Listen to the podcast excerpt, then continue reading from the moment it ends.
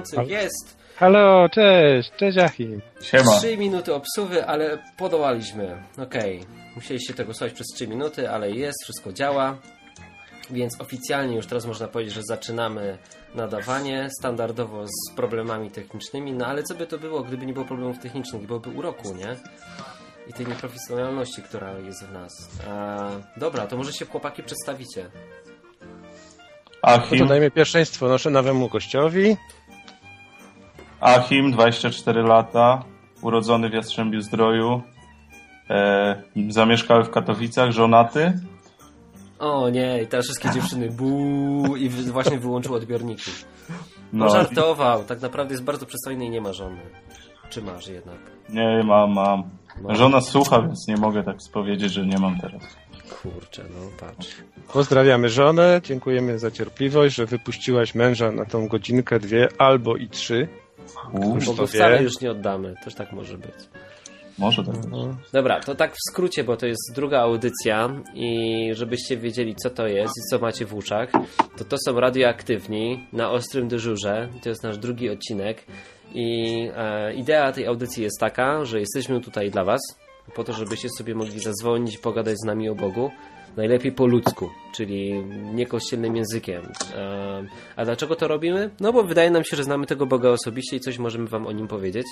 Jak e, nie będziecie dzwonić, to będziemy sobie gaworzyć między sobą, ale zdecydowanie lepiej było, jakbyście zadzwonili, a możecie to zrobić za pomocą telefonu 222 195 159 albo, albo Achim wiesz, jak jeszcze można to zrobić? Tak, można zadzwonić na enklawa.net na Skype'ie. Tak, albo nawet na odwyk.com. No. Nie wiem dlaczego na odwyku się nie włączyło nadawanie. To już tutaj nasz wielebny Martin może to wiedzieć, że jest usterka techniczna, bo nadawanie na odwyku się nie włączyło, więc musicie wejść na czata na enklawę wyjątkowo. Bo na odwyku go nie widzimy. No i możecie nam napisać, czy wszystko dobrze słychać, czy podgłośnić, czy ściszyć muzyczkę. To jeszcze taka techniczna chwila. I co? No i zaczynamy, nie? Tak. Zaczynamy, jak Dobra. najbardziej. Ja zacznę fajnym tutaj komentarzem z czata, bo 7771 napisał, że pierwszy odcinek mi się bardzo podobał. Powinniśmy teraz jingla uczyć jakieś oklaski. Brawo! Brawo! Brawo dla słuchaczy za cierpliwość. Brawo my! Tak. Może, może następnym razem jak wieczorynki trochę wcześniej zejdą z anteny, to będziemy mogli, wiecie, to od razu wystartować, a nie z 3-minutowym opóźnieniem. No, ale nie będziemy na, na, narzekać na kolegów prowadzących tutaj na antenie, którzy nie chcieli opuścić jej, tak im tutaj dobrze było. Nam też tu będzie chyba dobrze dzisiaj, nie? Mam nadzieję, że wam też. Dobra. To co chłopaki? To co, nadajemy dzisiaj w ogóle takie męskie grono bez Karoliny, która gdzieś pojechała na koncert i nie ma jej tutaj z nami. Co to za koncert? A, pianistka. Na pianinku A. coś gra. Ale jaki koncert to nie wiem. Nie powiedziała mi. No dobra, bo słuchajcie, bo to jest audycja, w której jest wielu prowadzących, jak ostatnio liczę, to chyba z siedmiu albo ośmiu nawet. I będziemy się zmieniać, a po to, żebyście się nie znudzili tą audycją, żeby co tydzień było coś nowego. Żebyście mogli konfrontować się z różnymi wizjami Boga, które mamy. Mm, Achim na przykład kiedyś... O, Achim, właśnie, to powiedz coś o sobie. O tym, jak... jak e, a skąd w ogóle wziął się u ciebie taki pomysł na szukanie Boga i jak to u ciebie było? No, Bo ludzie nic o tobie nie wiedzą jeszcze. no właśnie. y, Ja zacząłem w sumie z, z łatwego gruntu, bo w moim domu się tam Boga zawsze szukało, więc, więc miałem łatwiejszy start i taką hmm, e, wizję tego, że, że jednak ktoś na nas tam z góry patrzy, nie? Byłem świadkiem e, Jehowy, więc, e, więc tam byłem za pan brat z tymi Kociarz tematami. alert, kociarz alert. Słyszeliście, mamy kociarza. Pierwszy świadek Jehowy były na antenie w odwyku. Do czego to doszło? No właśnie. Ale, ale za długo nie zabawiłem. U świadków. To ile byłeś lat świadkiem? Rok. Świadomie. Rok świadomie, to ile miałeś lat, Tak. jak przestałeś być? Eee, wiesz co? Z 14, 13. No.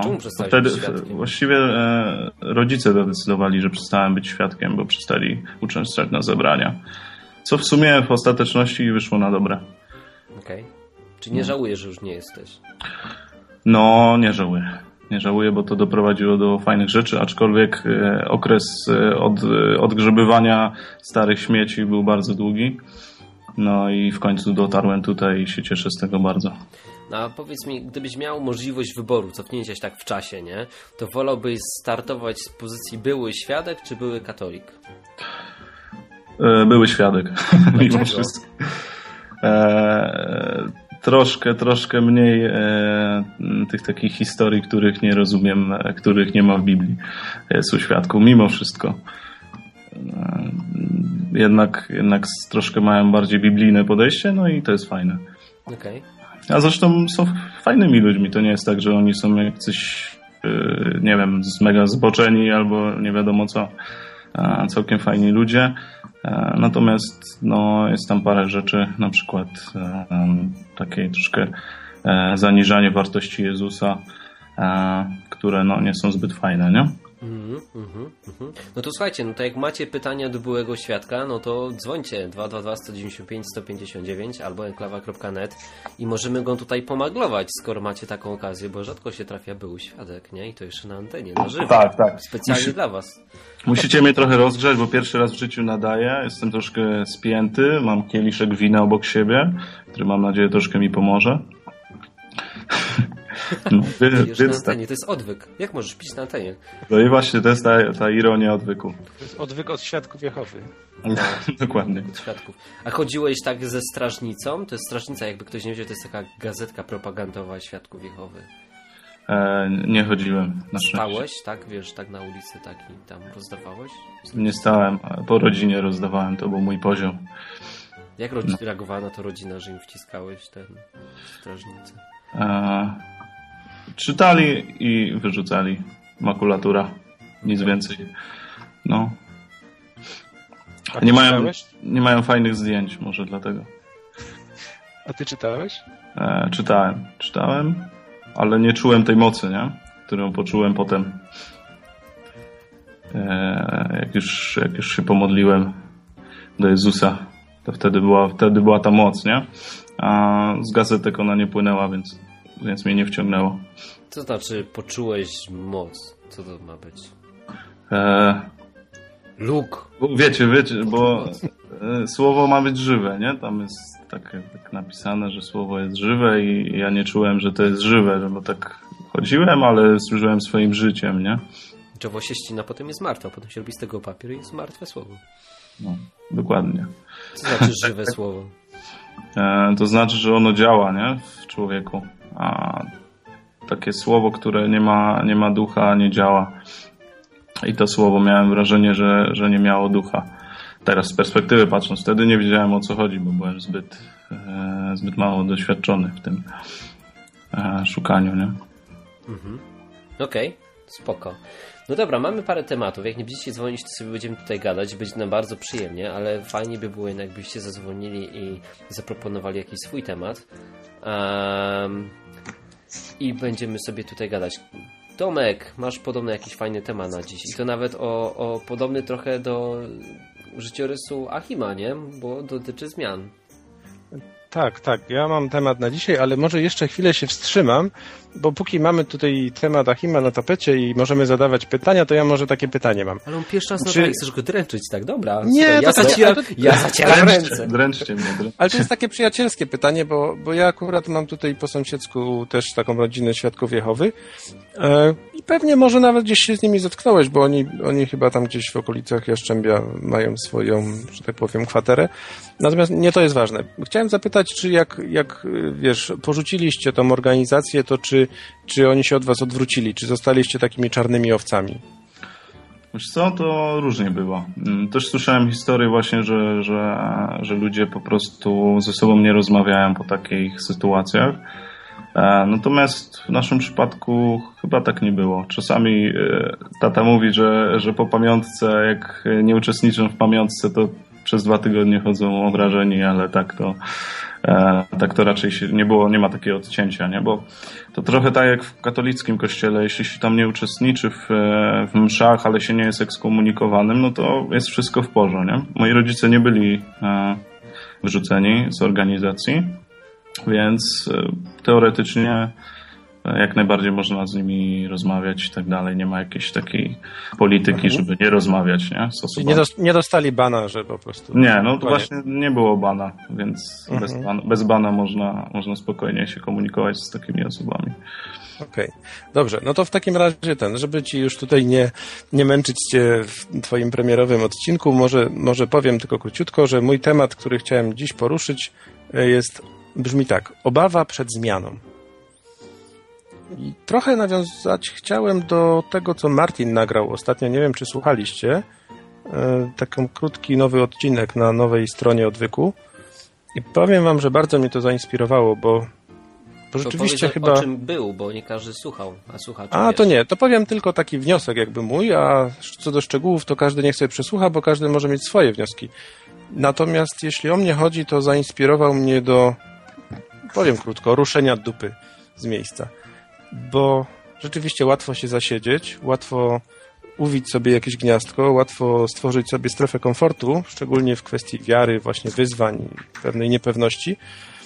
I powiem wam, że zainspirowało mnie to, że, że już za długo uświadomiłem sobie, że za długo siedzę już w takiej strefie komfortu i po prostu czas się ruszyć z miejsca. A z drugiej strony wiem, że jak dobrowolnie tego nie zrobię, to pewnie przyjdzie taki moment, że Bóg poruszy tym moim świecznikiem, więc lepiej, żeby to zrobić samemu. Okej. To ja Także nie-. Nie wiem jeszcze, na czym te moje zmiany będą do końca polegać, ale na pewno, na pewno jakieś kroki wiary przede mną. Super. Super. Może inkubator coś w tym. Tak, tak, wiele się dzieje, wiele się zaczyna i, i wiecie, miałem takie różne kroki w życiu, łącznie z tym, że tam w pewnym momencie, mając 17 lat i po tym, jak się opowiedziałem za Jezusem, miałem w domu ciężko i, i, i bardzo nieprzyjemnie, no i spakowałem się i wyjechałem, no, nie wiedząc, gdzie będę mieszkał, co będę robił. I to była zmiana taka naprawdę mocna i drastyczna, ale kurczę, z perspektywy była fantastyczna. I wszystkie zmiany, które gdzieś tam w życiu były, na początku wydają się trudne, wymagają adaptacji, jakiejś ciężkiej pracy, ale kurczę, zawsze summa summarum, patrząc, były super. Czyli ostatecznie zawsze na plus. Tak, jak będzie jakaś następna w moim życiu, to pewnie zadzwonię do tej audycji i powiem. Okej, a tak z ciekawostek jeszcze może Wam powiedzieć, że e, też mamy takie lęki przed zmianami teraz u nas z Tomkiem, e, ponieważ tworzymy coś takiego, co się nazywa inkubator dla programistów. Inicjatywa jest o tyle ciekawa i związana z Bogiem, bo robimy ją tak, że kiedy startowaliśmy z tym projektem, to powiedzieliśmy ludziom, że to jest chrześcijańska inicjatywa. I chcieliśmy zobaczyć, jakie będą mieć reakcje. No i dużo chrześcijan się tam pojawiło, programistów, bo mamy chyba, jak tam naliczyłem teraz, to dwóch w inkubatorze i jednego na stałe tam, który już z nami pracuje. To będzie razem trzech. Ciekawe, Znaczy, wiesz, czy, czy Hubert, kot to- będzie bardziej święty? czy co? Znaczy nie, no, znaczy nie, ja bym nie nazywał tego chrześcijańska inicjatywa, ponieważ celem nie jest jakaś tam powiedzmy e, kwestia rozbudzania wiary u ludzi, którzy tam będą programować. Natomiast jakby zakomunikowaliśmy, że, że wartościami etycznymi, którymi będziemy się kierować, są te wartości, które czerpiemy z Biblii. Nie? Okej, no wiadomo, że nie przyszli i nie powiedzieliśmy im, słuchajcie, naszym celem jest, żebyście wszyscy się nawrócili, nie? No, a, na, by a na takim- końcu kodu linijka komentarza ze słowem Amen. Amen, nie? No nie, no to wiadomo, że nie taki jest cel, ale cel jest taki, żeby po prostu sobie z nimi gadać też, nie? Po prostu żyć sobie, fajnie będzie. Tak, nie musi to być temat tabu. Nie, nie ma tematu tabu. Mówimy o tym oficjalnie. Chcesz sobie z nami pogadać o Bogu, to właśnie tak jak na tej audycji, tak i na żywo. W sumie robimy to samo, nie? Chcecie pogadać z nami o Bogu, to zawsze możecie. Możecie nawet do nas maila napisać albo coś. Gdzieś tam kontakt pewnie się znajdzie na stronie. Tak jest. Grabix, Grabix, wywołam cię z czata, bo piszesz, że się ostatnio przeprowadziłeś, czyli zmiana. Dajże coś powiedz na ten temat. Ja wiem nawet, że Grabik zmieniał pracę, bo do mnie dzwoni. To chodzi Grabik, zadzwoń i powiedz o zmianach coś. A ty, Akiem, ostatnio miałeś jakąś zmianę w życiu? Ostatnia zmiana w moim życiu. Taka fajna zmiana to było przeprowadzenie się do Katowic. Szalone z Jastrzębia do Katowic.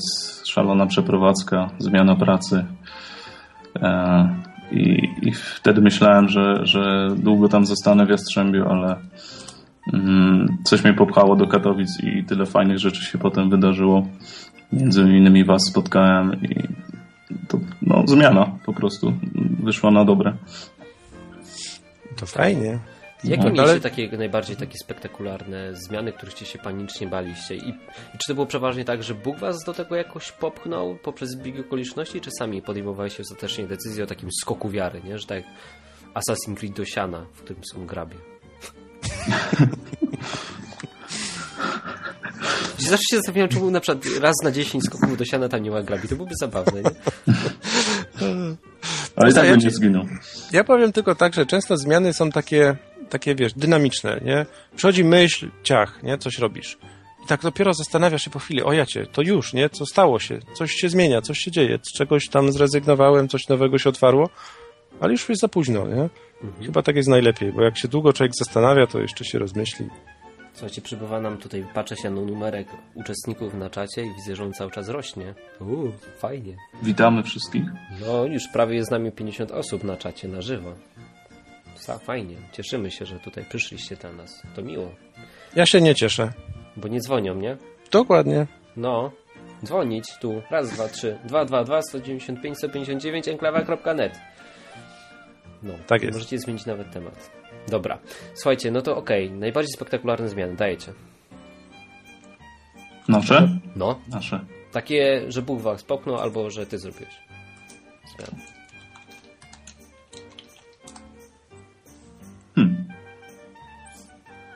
Akim, ty jesteś przecież świeżo po ślubie. Świeżo, no chyba rok będzie za niedługo, nie? Tak. Powiedz Ale- coś o tej zmianie. To tak się dzieje jak jogurt. Ale ona nie była spektakularna, bo wspominałeś o, o tym, że, że lepiej zrobić coś szybko, bez zastanowienia. My się zastanawialiśmy 7 lat, zastanawialiśmy w cudzysłowie e, i potem, potem ta zmiana nastąpiła. Ale czy, czy było coś spektakularnego? No ja już o jednej powiedziałem. Czyli teraz chyba ja muszę powiedzieć, tak? No, zdecydowanie. Wiecie co, ja mam taki stan i ja go zaobserwowałem u siebie, że em, jak jest taki czas pokoju, nie? że się nic nie dzieje, ja mam taką bardzo wysoką strefę komfortu, to się czuję niekomfortowo wtedy. Znaczy, No coś ty. no powaga. Uważnie. Tak, ja mam coś takiego, że, e, że dla mnie naturalnym stanem jest stan kłopotów, nie? Czyli ja muszę sobie sam generować te problemy, dlatego wiesz, na przykład ja tak chętnie coś robię, bo dla mnie to jest jakieś. Tak, ja jakby mam taką potrzebę generowania, wychodzenia ze strefy komfortu, nie? Że ja muszę mieć te zmiany, bo jak nie mam tych zmian, to się dziwnie czuję. Nie, nie umiem tego wytłumaczyć, nie? To jest takie, wiesz, jakbyś, jak jesteś uzależniony od adrenaliny, nie? Mhm. i masz taką potrzebę, żeby ciągle się coś działo, no to ja mam tak samo właśnie z tymi, nie, nie że zmianami, ale właśnie wiesz, wychod... no tak, to jest zmiana, nie? Czyli robisz coś, czego jeszcze nie robiłeś i nie wiesz, co tam będzie i to trochę się boisz, ale cię to ciągnie i to uzależnia też. I oczekujesz kłopotów, bo inaczej zmiana będzie nieudana. No, zawsze są kłopoty, nie? No, No tak. nie, no to na przykład tak jak dzisiaj, nie? Słuchajcie, dzisiaj jak się robi taki e, inkubator, to trzeba gdzieś posadzić ludzi. No więc pojechałem po stół. O, to audycja zmienia się w wieczorynkę. Pojechałem po stół, no i okazało się, że stół kompletnie był w innych wymiarach niż, niż tego oczekiwałem i musiałem improwizować, a inkubator otwiera się za dwa dni. Więc e, trzeba było mocno improwizować i coś zrobić. No i wiecie, to jest to wyjście ze strefy komfortu, że zawsze coś się tam posypie, nie? I że musisz liczyć na Boga, że Bóg to jakoś poukłada, nie? Jeśli Bóg nie pobłogosławi, to nic się nie uda, no. Ostatecznie mam tańszy i lepszy stół. Podoba mi się ten stół, który kupiłem dzisiaj. Myślisz, że jest lepszy? Myślę, że jest lepszy. Jak go rozłożyłem, to jest piękny. Ale nie mówmy o stole, to naszego inkubatora, mówmy tutaj o audycji. To są te szalone zmiany, które zachodzą w naszym życiu. Szalony stół. Składa się z raz, dwa, trzy, cztery, pięć, sześć, sześć elementów. Plus nogi. Dobra. I, i nie ma ramy. Stół jest tak samo pokręcony jak my. Dobra, słuchajcie, żeby nie gadać o stole. Aha, to wiecie co, ja coś powiem, bo, bo to też było w tym odcinku Martina, że o Jezusie, że to był taki gość, który przyszedł na ten świat i kurczę, ciągle coś zmieniał, nie? No. Tu zmienił, tam zmienił, tam kogoś żgnął, tam kogoś, wiesz, ochrzanił. Po prostu ciągle coś się działo, nie? Ciągle coś zmieniał. Mhm. Można by wręcz powiedzieć, że to był pan zmiana. Zgadzacie się ze mną? Pan zmiana, człowiek zmiana. No, w sumie tak. Ale y, ani kropeczka nie mogła y, być wzięta jednocześnie, nie? Zmiana, ale w, w jakimś takiej ramie. A, to ja mogę o tym pogadać trochę bardziej, bo mi się wydaje, że właśnie pozmieniał i to dużo. To No możemy... tak. O, rzucam temat. Czy Jezus jednak tam sporo pozmieniał, czy nic nie pozmieniał? Tak rzucę temat. A konkretnie chodzi mi o to, że ostatnio jak sobie czytałem Biblię, to wyczaiłem coś takiego i tak nawet się na- zacząłem na tym zastanawiać, że zobaczcie, Żydzi, nie, dostali, czy w ogóle, patrzcie, jak, jaka historia, tak w telegraficznym skrócie, jak ktoś nie znał, bo to jest temat e, taki fajny, a fajnie, żebyście mieli kontekst, nie? To w skrócie, jak ktoś nigdy nie czytał Biblii, to historia mniej więcej wygląda tak, że Żydzi to są największe łajzy ze wszystkich narodów. Najsłabsi, najgorsi i nikt ich nie chce, nie? Po prostu nikt by na tego kijem nie ruszył. No a Bóg stwierdził, że skoro są najsłabsi, to ja ich chcę, biorę, wykupuję. I wyciągnął ich z Egiptu, gdzie byli niewolnikami, wyprowadził ich stamtąd, uwolnił, nawet im pomógł trochę się wzbogacić w przebrany sposób, ale o tym to w innym odcinku. Dobra, w każdym razie wyprowadził ich ze złotem, ubogaconych kulturowo przez Egipcjan na pustynię. I na pustyni zawarł z nimi umowę. A zawarł ją tak, że powiedział: Słuchajcie, jesteście teraz wolni, jak chcecie, to ja mogę być waszym Bogiem, a wy będziecie moim ludem. Co wy na to? A wszyscy e, jesteśmy przerażeni, chyba chcemy, nie? No więc wysłali Mojżesza jako jedynego. Lepiej ty idź z nim gadaj, bo on jest niebezpieczny. Wysłali go na górę, Mojżesz tam sporządził jak chyba jakieś dwie umowy czy coś. W każdym razie przyniósł jakieś dwie tablice, zszedł na dół, patrzy się i co ci Egipcjanie, czy Egipcjanie, Izraelici robią? No już sobie jakiegoś innego boga, nie? Cielca. No i się wkurzył strasznie. Znaczy, no w sumie to był ten sam Bóg, tylko żeby nie, nie mieli sobie obrazów. No. Zrobili sobie Boga jako, a, jako byka, nie? To był byk? Dobrze mówię? Jakiś byk, nie? Cielec, tak to Cielec. jest nazwany, zdaje się. No to Cielec. byk jakiś. Jakiś byk. No. Ze krowa. błyszczał. jakaś krowa, nie? W każdym razie Bogu się to bardzo nie spodobało. Mojżesz jak to zobaczył, mówi, no i nic z tego nie będzie, nic z tego układu nie będzie, bo oni już wszystko zwalili, już złamali warunki umowy, nie? I wziął i rozwalił, rozwalił tablicę. No, i powiedział, kapa, nic z tego nie będzie. No. no i warunki za złamanie umowy były takie, że Bóg rozwali ten, ten naród. No i rozwalił potem, trafił nawet do niewoli i było kiepsko. No i tam, jak byli w tej niewoli, to dostali taką informację od proroka, że przyjdzie sobie taki gość, który zwie się Mesjaszem, który zaprowadzi nowe przymierze. Że te stare no, się wypełniło. Warunki tamtego przymierza były takie, tego pierwszego, nie, czyli Starego Testamentu, tak jak my to nazywamy, że jak złamiecie warunki umowy, to macie przerąbane. No i Żydzi naprawdę mieli przerąbane. No i potem przychodzi Jezus i zmienia, i nadaje nowe przymierze. Więc pytanie brzmi teraz tak że skoro stare było zła, zerwane i Żydzi ponieśli konsekwencje tego złamania tej umowy i potem Jezus przychodzi ustanowić nową, to czy stara obowiązuje jeszcze dalej tych Żydów? Jak myślicie? Taką mam Wy- koncepcję na dziś. Dobra, to ja powiem może krótko. Ja pamiętam taki werset z Nowego Testamentu o tym, że Jezus przyszedł i wypełnił prawo, tak? Czyli Wypełnił nie... pierwszą umowę. Tak jest. Okej. Czyli przez to, przez to Bóg na partnerskich warunkach jako człowiek po prostu, wiesz, być z Bogiem. O, ktoś się włączył? Ja Jak się włączył, to głos. poprosimy Cię, żebyś na początku wyciszył sobie radyjko, żebyśmy nie słyszeli echa, a Tomek dokończy myśl. No i Dobra. teraz lekko się wybiłem, ale ja zapraszam cię gościu, oddaję ci głos. Fajnie, że Fajnie, zadzwoniłeś. fajnie, fajnie że mi oddajesz. Witam Was. Mm, Dzień dobry. ogólnie Chciałem powiedzieć o tym, o czym Ty zacząłeś mówić, bo to jest dokładnie cytat z listu do Hebrajczyków. Ósmy rozdział, ósmy werset się zaczyna. Jaka Jak lokalizacja geograficzna jeszcze? Podaj lokalizację geograficzną.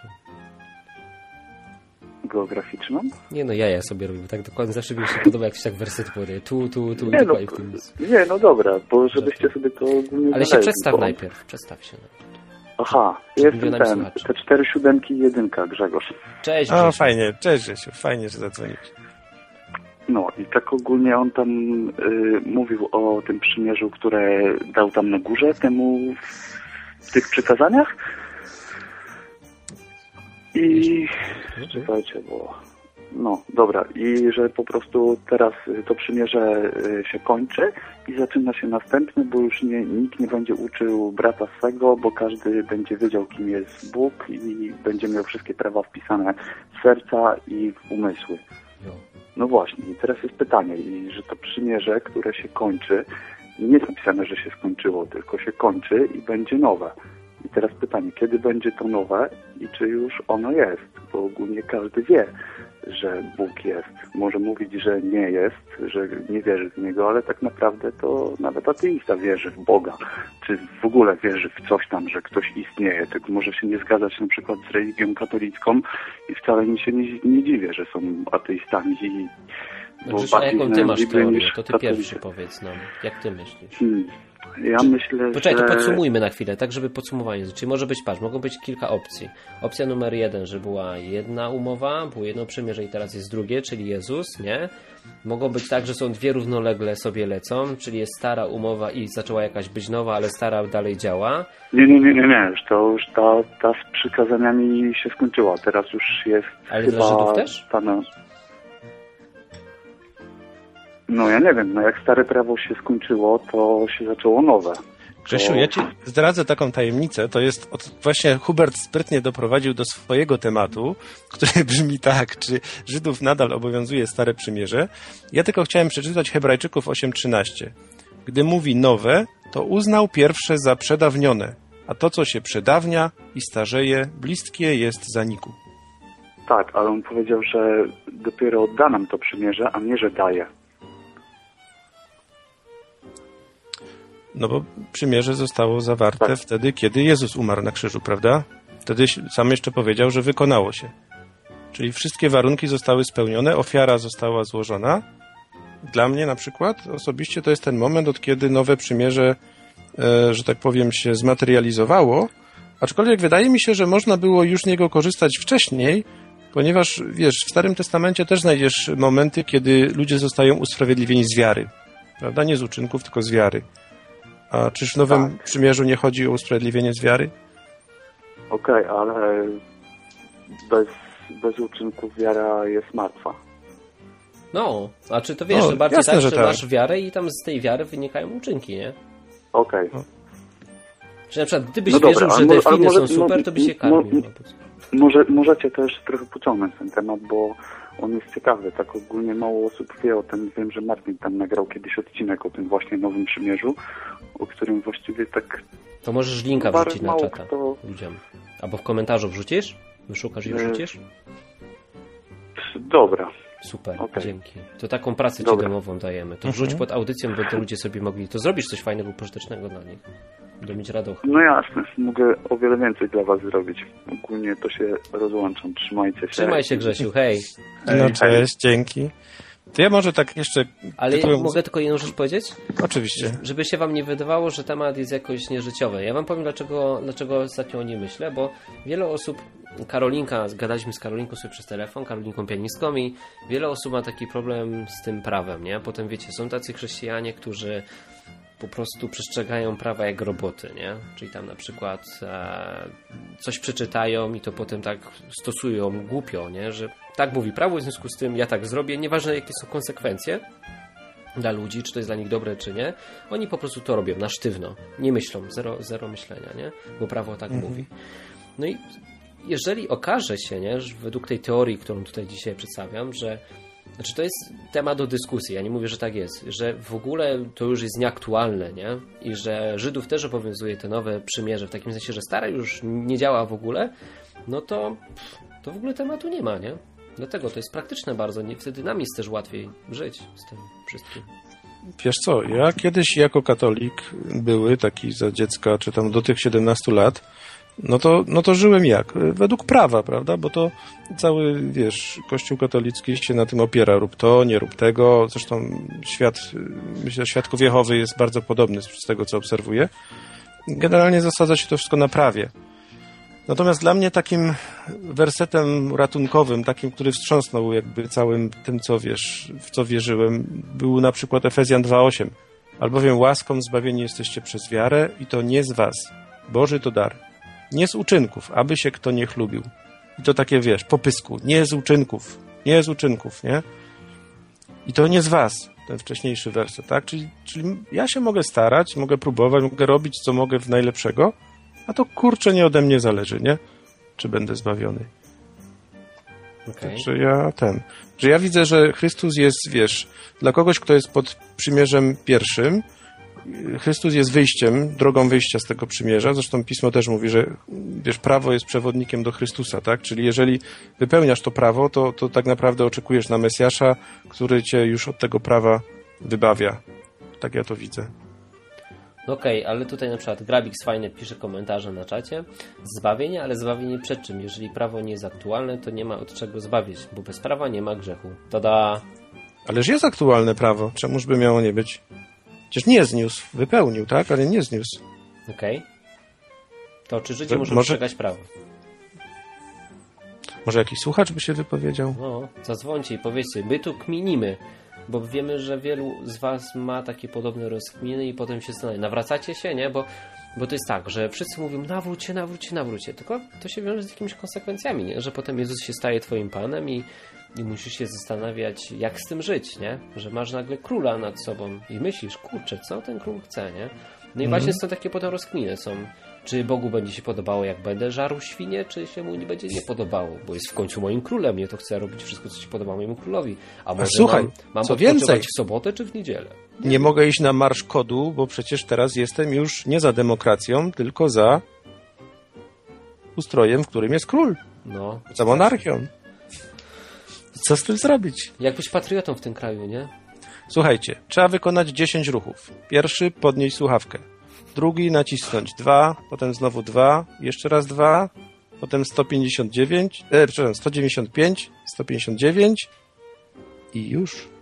I zieloną sławkę. No może na, na początku możesz wybić numer, a potem zielona sławka też będzie 10 ruchów. Dobra, słuchajcie. Prościej się a- nie da. Proście się nie da, ale zawsze możecie to zrobić nawet za darmo i wtedy będzie bardziej przyjemnie, bo będzie za free. Free! Słyszeliście nową audycję Martina? Free! Fajna jest, podoba mi się ten tytuł. Tak? Free! Tak, ja to zrobię reklamę. Jak ktoś chce posłuchać nowej audycji Martina, która nawet, kurczę, no nawet, nawet, nawet trzyma poziom. Dobra jest, dobra jest. I się nazywa Free!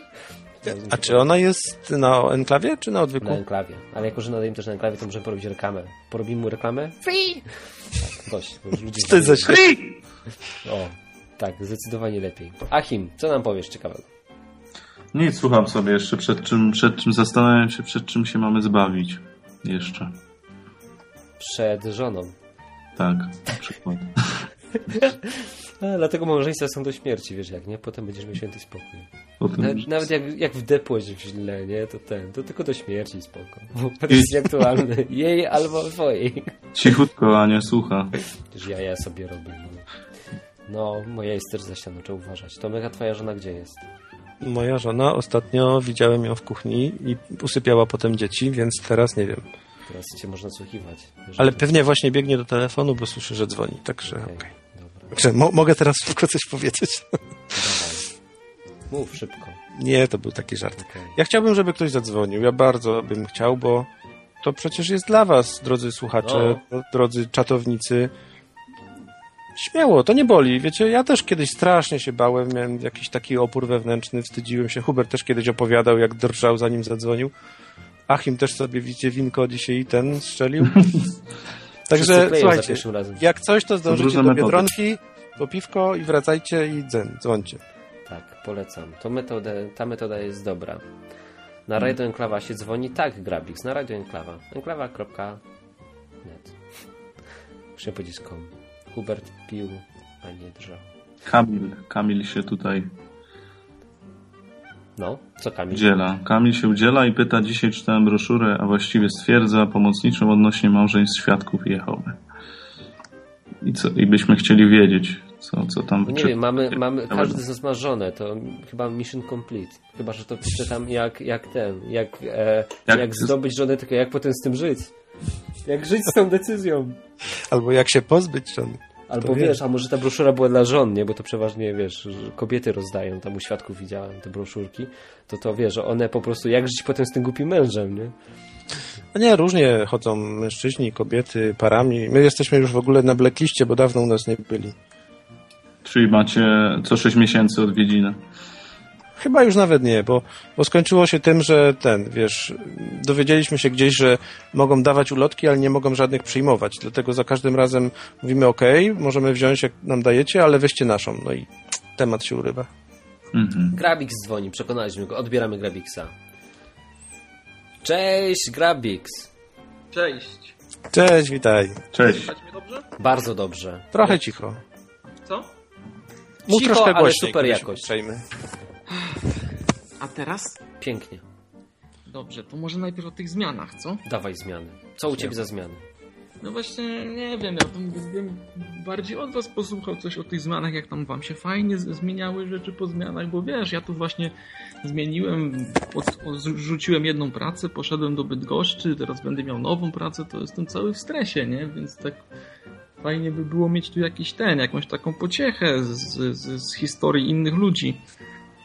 Czyli co, chcesz, chcesz happy endu posłuchać, ale nie zawsze jest happy end. No, ale zawsze warto posłuchać. Okej. A to, A, to co, to- zmieniłeś miasto, pracę, mieszkanie? Co jeszcze zmieniłeś? Chyba nic. Samochód? E, I tutaj jest dalej tak, e, że ty mówisz, że źle, źle, źle się czujesz bez zmian, nie? No. No to ci powiem, ja nie. Ja mam tak, że właśnie mam tego stresu i takich innych rzeczy, to się bardzo dobrze czuję, przy czym wiem też, że to jest jakby szkodliwe w pewnym sensie. Że, że się wprowadza taką stagnację, nie? Mhm. Ale psychicznie się czuję bardzo dobrze. Właśnie się bardzo źle czuję, jak się za dużo rzeczy zmienia. Jestem cały zestresowany chodzę. Czyli złoty środek szukasz zawsze. Tak bardziej taki ten, śre- średnia, średnia po czasie jest złotym środkiem, czyli po prostu na zmianę. Raz siedzę, siedzę na dupie, raz coś, raz coś się zmienia. I, i, i, czyli zawsze jest źle, ale średnio wychodzi dobrze. Okej. Kiedyś tak sobie, tak sobie pomyślałem, przyszło mi do głowy, tak myśląc o, o, o życiu ludzkim, że ludzie są jak rzeki. Rzeka sobie płynie, nie? Jak płynie, to zabiera ze sobą piasek i te wszystkie ziemie i powstaje takie koryto. I ona potem pły, płynie tamtędy tylko dlatego, że płynęła tamtędy wcześniej. Mhm. Fajne? No i, i miałem sobie takie, takie, takie, takie wyobrażenie. Takie haiku trochę. Co? Takie haiku ci wyszło. Haiku? Taki wiersz. Jak rzeki to trochę za krótkie na haiku. No. A potem, Prawie. przeczy- a potem przeczytałem w Biblii, że Jezus mówił, że człowiek nowonarodzony jest jak wiatr. Wiatr wieje tam, gdzie chce i szumie Nie, go słyszysz, lecz nie duch- wiesz skąd przychodzi i dokąd podąża. Tak jest z każdym, który narodził wiatr. się z ducha. Z ducha. Tak, jak masz ducha, to jesteś wtedy jak wiatr. No. Jesteś szalony. Łazisz gdzie chcesz, nie wiadomo gdzie pójdziesz. To ten duch cię porywa, tak, nie? Bo o duchu też jest, że wieje kiedy, kiedy chce i tak dalej, nie? Właśnie nie, to jest tak naprawdę o, o wietrze, że wiatr tak wieje i że tak człowiek się zachowuje, jak się narodzi z ducha. I że nie No wiesz jest- skąd przychodzi i dokąd podąża. Że Jest nie nieprzewidywalny. Macie tak, że was porywa długo gdzieś? porywać stricte to nie. To, to powoli trwa, tak bardziej tak Czyli nie działa. popycha, popycha. I... Nie no, jest tak, wiecie, ja jak patrzę, obserwuję ludzi, ale takich, których no powiedzmy, że określę to tak eufemistycznie, że, że widać, że są, żyją jakoś tak w duchu, tak ja to określam osobiście na swój użytek, to faktycznie są w tym sensie nieprzewidywalni pozytywnie, że no nie wiadomo, gdzie ich znajdziesz za tydzień, no. Co będą robić. Gdzieś tak siedział na jednym miejscu. Jadą gdzieś, tak? Hmm? Tu jakiś pomysł, tu komuś pomogą, tam coś się dzieje, tu gdzieś się udzielają. Tu teleportacja. Jakieś audycje durne wymyślają, nie? Tak. Tak. Ale odnośnie, odnośnie rzeki jeszcze wam powiem, bo ja akurat obserwuję rzeki, bo z racji mojego zawodu e, rybaka śródlądowego mam do czynienia z rzekami, które czasem zbierają, tak jest. I ten. No i rzeczywiście po takiej burzy, gdzie rzeka wzbierze i po prostu wyleje i wszystko się zaleje, to ona faktycznie może wtedy zmienić trochę swój bieg, tak? Gdzieś coś wypłucze, gdzieś coś przerwie, no i wtedy rzeka płynie, jak już woda opadnie, innym korytem. Czyli trochę jak u ludzi, tak? Coś się dzieje, wylewa ci ta twoja rzeka życia, masz jakąś powódź, ratujesz się, a potem jak woda opada, nagle płyniesz innym korytem. Ciekawe co na to działki geodezyjne jakieś tam mapy. Że No, się przeniosła. Niektóre mapy są z lat 60. A propos, a propos. Czyli ludzie cię zaszufladkowali, wiesz, tak jak 30 lat temu i ty płyniesz nową rzeką, a oni dalej myślą, że ty, że ty... A czemu nie byłeś w kościele wczoraj? To tak jak Jezusa, nie? Wiesz, wziął tutaj przed chwileczką stolarzem był, a teraz tutaj łazi i naucza o jakimś Bogu. No, ale przecież to jest ten cieśla z Nazaretu, nie? Dokładnie, jakiś gówniarz 30 lat raptem. To tyle co ja ma teraz, kurczę. Za rok będę miał 30 lat, tyle co Jezus, jak zaczął. Muszę sobie kupić jakieś sandały wygodne. Nie wiadomo, gdzie mnie duch poniesie. Cholera to wie. No, to sprzedaj motor. O, dziś mi się jak dobrze jeździł motorem. Dobra, nie, nie o motorze, no. Nie, nie ciągnijcie mnie w stronę motoru. Grabik, Grabik, powiedz coś jeszcze o tej zmianie. Nie wiem, co ci o zmianie jeszcze powiedzieć. Wiesz, nowa A, praca to tak. czasem jest taka fajna, nie? Że nowi ludzie coś tam się, wiesz... To czemu Tak, zmieniłeś w ogóle? To czekaj, to jest, tak. Czemu zmieniłeś? Co? Czemu zmieniłeś, skoro nie lubisz zmian? Przecież to irracjonalne jest. No tak jakoś wyszło, że uznałem, że Bóg chce, żebym zmienił. No, Jak do tego doszedłeś? skomplikowany i sposób i trochę na czuja. Jadłeś płatki śniadaniowe i użyć się napis płatków i rzuć pracę, czy co? O, tak byłoby fajnie. To jak się tego dowiedziałeś? No nie opowiem ci tego, no, sorry. Skąd wiesz, że się nie mylisz? Nie wiem. Czyli tak ryzykujesz. Chociaż, za, za często się już pojawiają tam jakieś... No, no raczej się nie mylę. Okej. No ale to ryzykujesz, rzucasz pracę, bo z płatków wyłożył ci się napis, oczywiście w cudzysłowie, nie? A jeśli się mylisz? Co jeśli się mylisz, Grabix? I straciłeś właśnie pracę wspaniałą, miałeś stabilne życie, a ty się przenosisz do jakiegoś innego miasta, zmieniasz mieszkanie i sąsiadów, Eee. wszystko zmieniasz. Eee, jakoś to będzie. Bert, często jest jeszcze inny powód. Ale to możemy się tylko domyślać, póki Grabik nie puszcza pary. Może chodzi o kobietę. Nie, nie chodzi. Dobra. Grabix, zrzucamy cię, bo zadzwonił ktoś nowy. Okej? Cześć! Dzięki, cześć. Ej, Cześć, słuchaczu. Siema, siema. Siema, siema. Witaj, do przedstaw nas. Kamil. To już mogę wam To jest, powiedzieć. to jestem ja od, od, od tej broszury. o, cześć. Od broszury? Jakiej broszury? Broszury o żonach i mężach. Cześć Kamil. Ale że No i- jesteś twórcą tej broszury, czy co? Nie, nie, nie. Po prostu przechodzę. że napisałeś na czacie, dobra, wiecie co, ja mam trochę laga miałem drobnego. No okej, już rozumiem. przez miasto zawsze biorę jakieś strażnice od, od tych świadków, bo czasami fajne rzeczy piszą. No i jeszcze mnie to, jeszcze mnie się nie tyczy, ale wziąłem tą broszurę o tym, o rodzinie, o małżeństwie i, i fajnie piszą.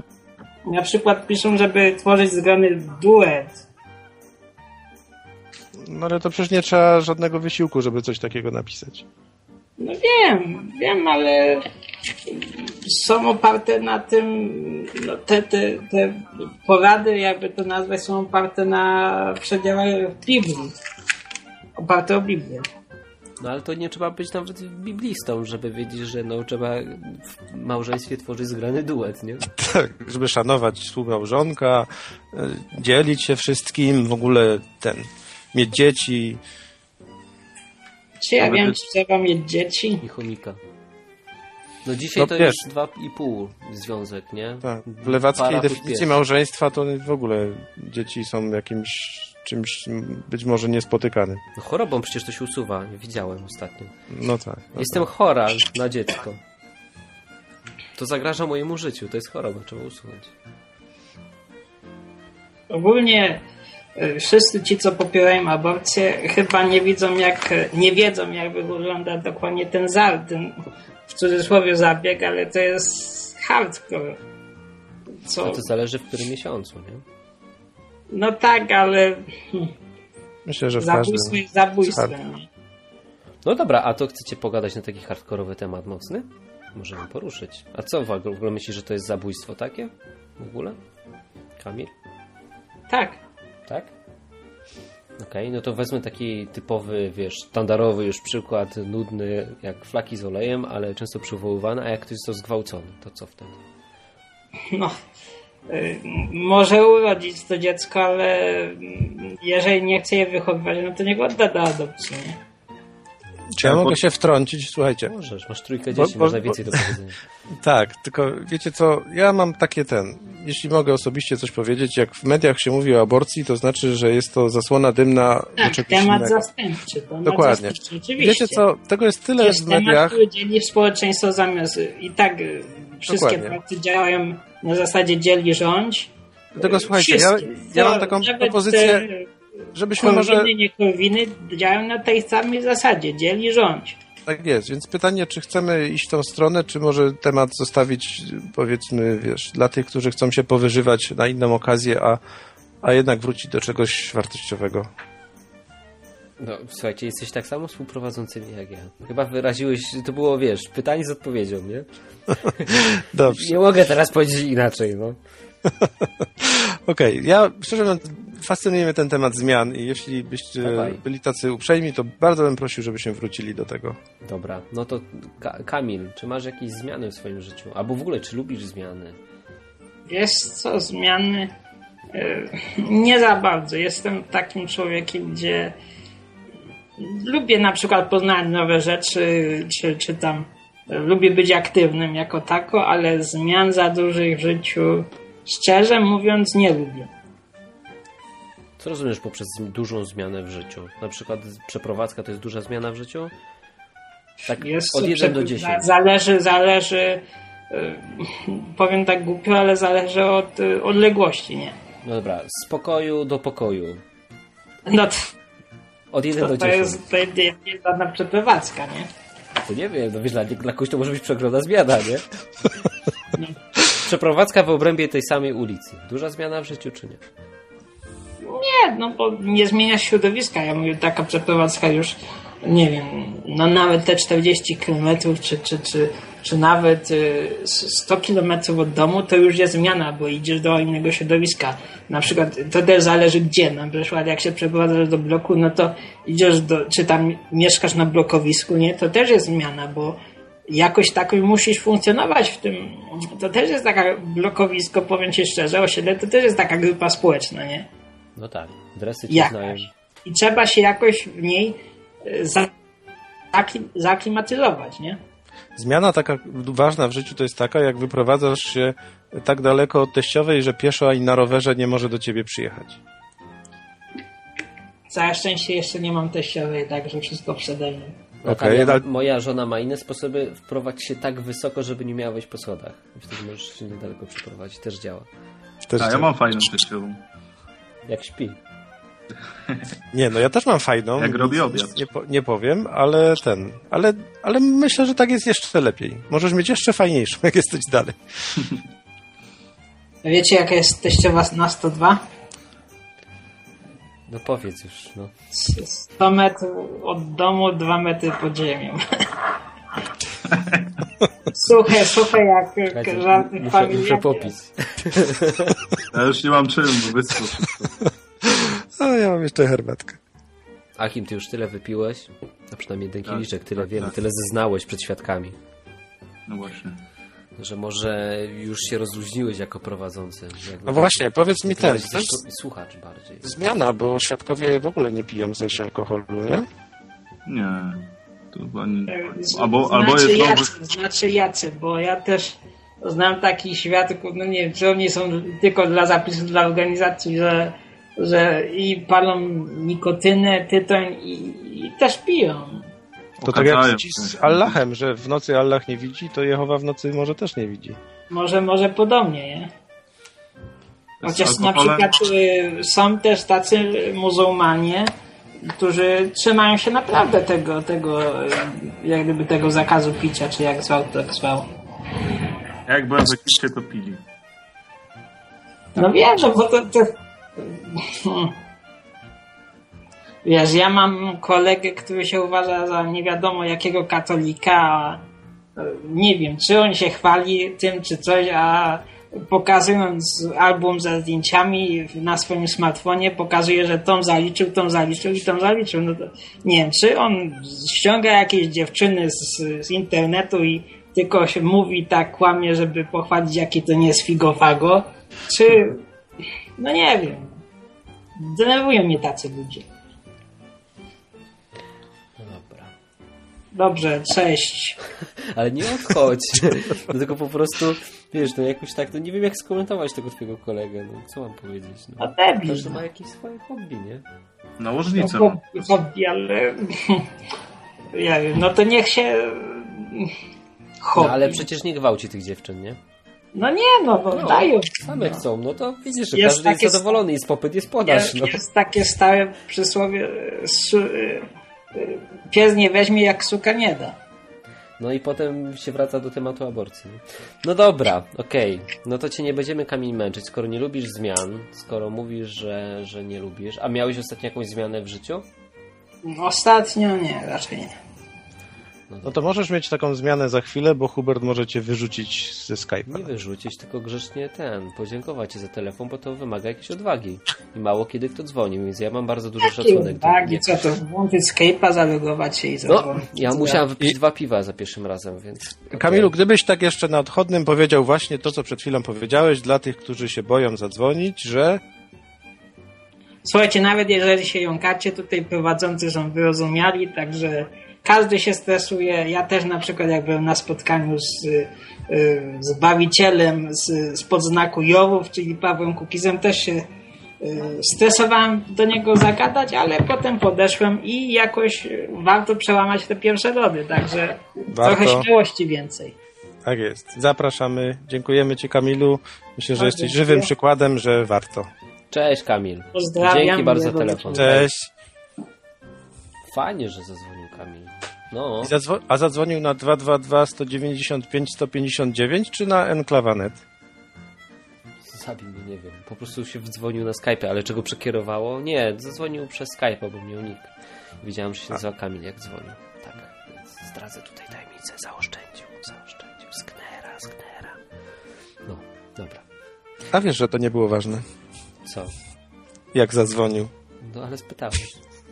No bo chciałem, żeby wszyscy usłyszeli, że trzeba zadzwonić na 222 195 159 albo na być sknerą, tak jak tamten, co dzwonił przed chwilą. Słuchajcie, ja mam taki pomysł. Może byśmy zrobili taki, nie wiem, jakiś system na przykład mikropłatności. Każdy, żeby wejść na czata, na przykład musi tam grosz jakimś systemem mikropłatności gdzieś tam wrzucić do jakiejś skarbonki, a jak ktoś do nas zadzwoni, to wtedy to, co jest w puli, idzie na jego konto.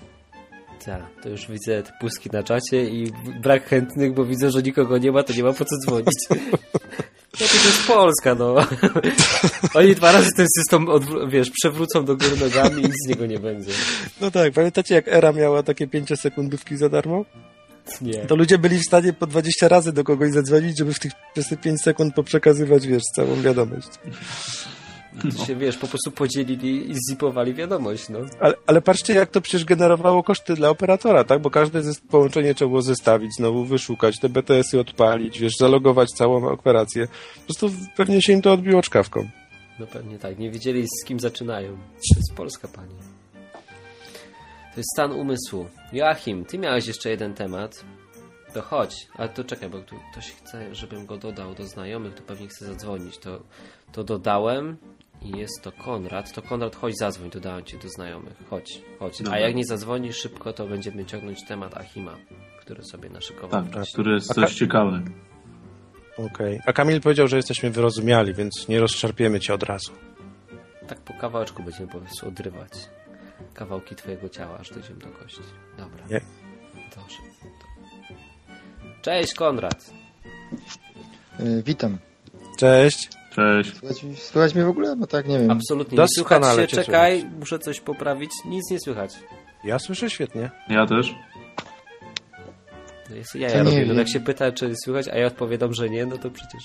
E, dobra, to w ogóle jaki był temat, bo tak trochę nie ogarniam pierwszy raz na odwyku. A, A jaki byś chciał? No właśnie, jaki byś chciał? nie wiem, bo tutaj na czacie różne osoby różne rzeczy piszą. Bo, No to oficjalny temat był, czy boisz się zmian? Boisz się? E, czy boję się zmian? Jestem akurat w takim wieku, że banie się zmian jest dość... Hmm. No, w- czymś normalnym, czy, czy, czymś raczej nienormalnym, dlatego że po prostu, że tak powiem, jestem dość młody i banie się zmian. Dla mnie zmiany są okej. Czyli jeszcze jesteś z tych wieku nieśmiertelni. Żadna Tak. zmiana cię nie rusza. Pewnie. 16 lat, działamy. To Znaczy, co robisz w życiu tak na co dzień, że się nie boisz zmian? Co robię w życiu na co dzień? Aktualnie na co dzień to się uczę, to wiesz, to różnie bywa. A czy- chyba za dużo zmian nie ma, nie? No zmian nie ma, ale To czemu się masz bać zmian? Takich A szkoły? szkoły zmian, szkoły, no... Nie, Poczekaj, jak masz Znaczy- 16, to zmieniłeś niedawno, nie? Z gimnazjum na jakąś nową szkołę. e, tak, na liceum. Mhm. No jak, podobała ci się ta zmiana? Bałeś się jej, czy przyjąłeś ją z, z, ekscytacją? Nie, ja się nie boję raczej zmiany szkół, tego typu rzeczy. To nie dla mnie. Ja przyszłem sobie po prostu do szkoły, nic nowego. Jak to w szkole, nie? Nic nowego. Mamo, tato, co tam w szkole? A, nic nowego. A może E- planujesz jakąś zmianę na przykład i wiesz, wahasz się albo nie wiem. Masz jakieś plany na jakieś zmiany? E, plan na zmiany? No, nie wiem jeszcze, zobaczymy, zobaczymy. No dobra, Kamil, ale mówisz, że pierwszy raz tutaj zadzwoniłeś, bo pierwszy raz jesteś na odwyku, ale pierwszy raz słuchałeś audycji odwykowej, czy co? E, Jak nie, odwyku już. Odw na odwyk jeszcze w gimnazjum kiedyś patrzyłem, ale to dawno, ale nigdy nie, od- nie zadzwoniłem i w ogóle. W ogóle z odwykiem jest taka sprawa, że e, kiedyś wchodząc na odwyk stwierdziłem, jacy debile dzwonią tutaj i w ogóle co wy tu robicie, jakie rzeczy mówicie i się akurat zmieniło w życiu moim i a, Czy No. to słuchałeś tych debili i nagle ci coś samemu pozmieniało? akurat nie przez was, ale stwierdzam, że odwyk miał w tym swoją trochę rolę. Fajnie, to To się użyj przyda. trochę rąbka, to co się zmieniło? Powiedz. Zmieniło się to, że e, zacząłem chodzić po prostu do kościoła świątkowego i dzięki w ogóle ewangelizacji, a wcześniej oglądałem odwyk i jakoś mnie zachęciło też pewne chyba nagranie Huberta o kajek kościół, czy co tam było, nie wiem też. Kajak tego- Krzysztof. No. Jak Konrad. Sorry. No, nie wiem, co to za bardzo powiedzieć, bo jestem tutaj pierwszy raz, no ale nie wiem. Co Ale gratulujemy odwagi. Słuchaj, jak zadzwoniłeś i, i coś to, wiesz, coś to oznacza, nie? Że nie boisz się. To jest fajne. Ja lubię ludzi odważnych. Jak się boisz i dzwonisz, bo każdy trochę tam jakiś lęk odczuwa, nie? No to kurczę, to jest szacunek. No, plus Tydzień 5 do temu już Szacunek Tydzień temu już miałem zadzwonić, ale tam nie, mia nie miałem jak za bardzo. Okej, super. Dzięki za A telefon. słuchaj, a może masz jakieś na przykład pytanie, chciałbyś coś, wiesz, pogadać, poruszyć jakiś temat? E, poruszyć jakiś temat, do... nie wiem jaki temat. Ja... Wymyślajcie coś, macie doświadczenie. Dobra. dobra Ale poczekaj, dobra. bo właśnie chciałem, wiesz, tutaj Konradowi podziękować za telefon, ale nim cię tutaj puszczę z anteny, to pozwól właśnie, że e, trochę cię jeszcze po, pomęczę, bo to jest dla was i chciałbym cię trochę pociągnąć za język. Mam nadzieję, że to właśnie wręcz przeciwnie, że nie będzie męczący, tylko że będzie fajne dla ciebie. I chciałbym się właśnie dowiedzieć, a jakie tematy chciałbyś, żebyśmy poruszali na przykład w takich, e, w takich dyżurach tutaj, które robimy? W dyżurach nocnych poruszane tematy, no to nie wiem. Jakie tematy się kręcą szesnastolatka? Seks, Jak to jakieś? E, tematy kryto 16. No to seks, władzy i pieniądze byłby dobrym tematem, ale e, czy jakby to powiedzieć, no nie wiem za bardzo. Mi się wydaje, że ludzie na czacie dają dość spoko tematy i różne rzeczy, które można byłoby wykorzystać. Ale mi się wydaje, że dobrym pomysłem byłoby na przykład dawanie jakichś tematów ogólnie na cały, cały jakiś konkretny No to dzisiaj mamy trzy tematy. Pierwszy temat był taki właśnie, czy boisz się zmian, jak w ogóle, co ty myślisz o zmianach.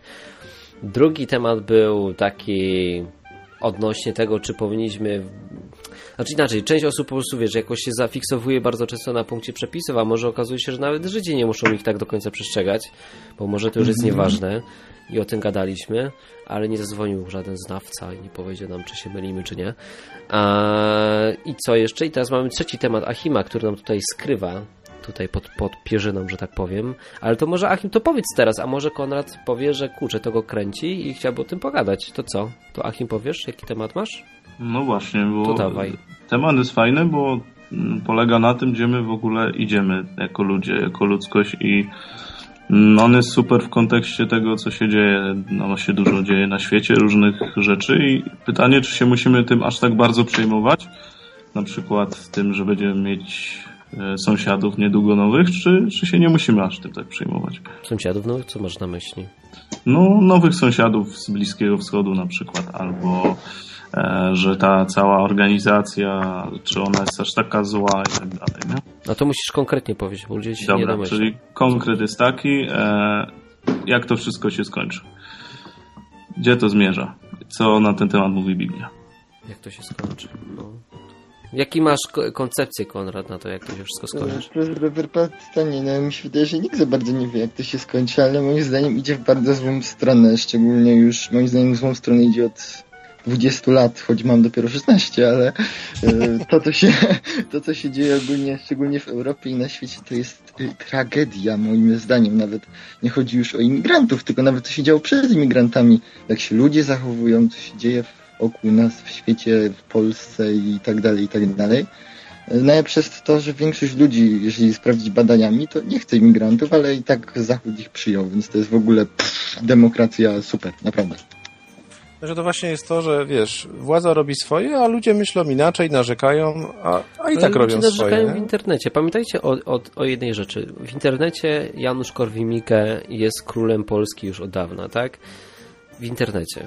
Widać, jaką siłę ma internet wtedy, nie? Czekaj, czekaj, przepraszam Hubert, muszę się wtrącić. Tutaj Róża na czacie napisała, że może zadzwoni, bo bal samców. Róża, dawaj. Dajesz. Zawsze kobieta mi widziana. Ale Konrad, no ale chyba wiadomo, jak to się skończy, nie? Bo w sumie Bóg nam powiedział, jak się skończy. Happy endem no dla nas. tak, no to na pewno się skończy happy endem, tylko tak trochę głupio, bo chciałbym sobie tutaj jeszcze, tak powiem, pożyć na tym świecie.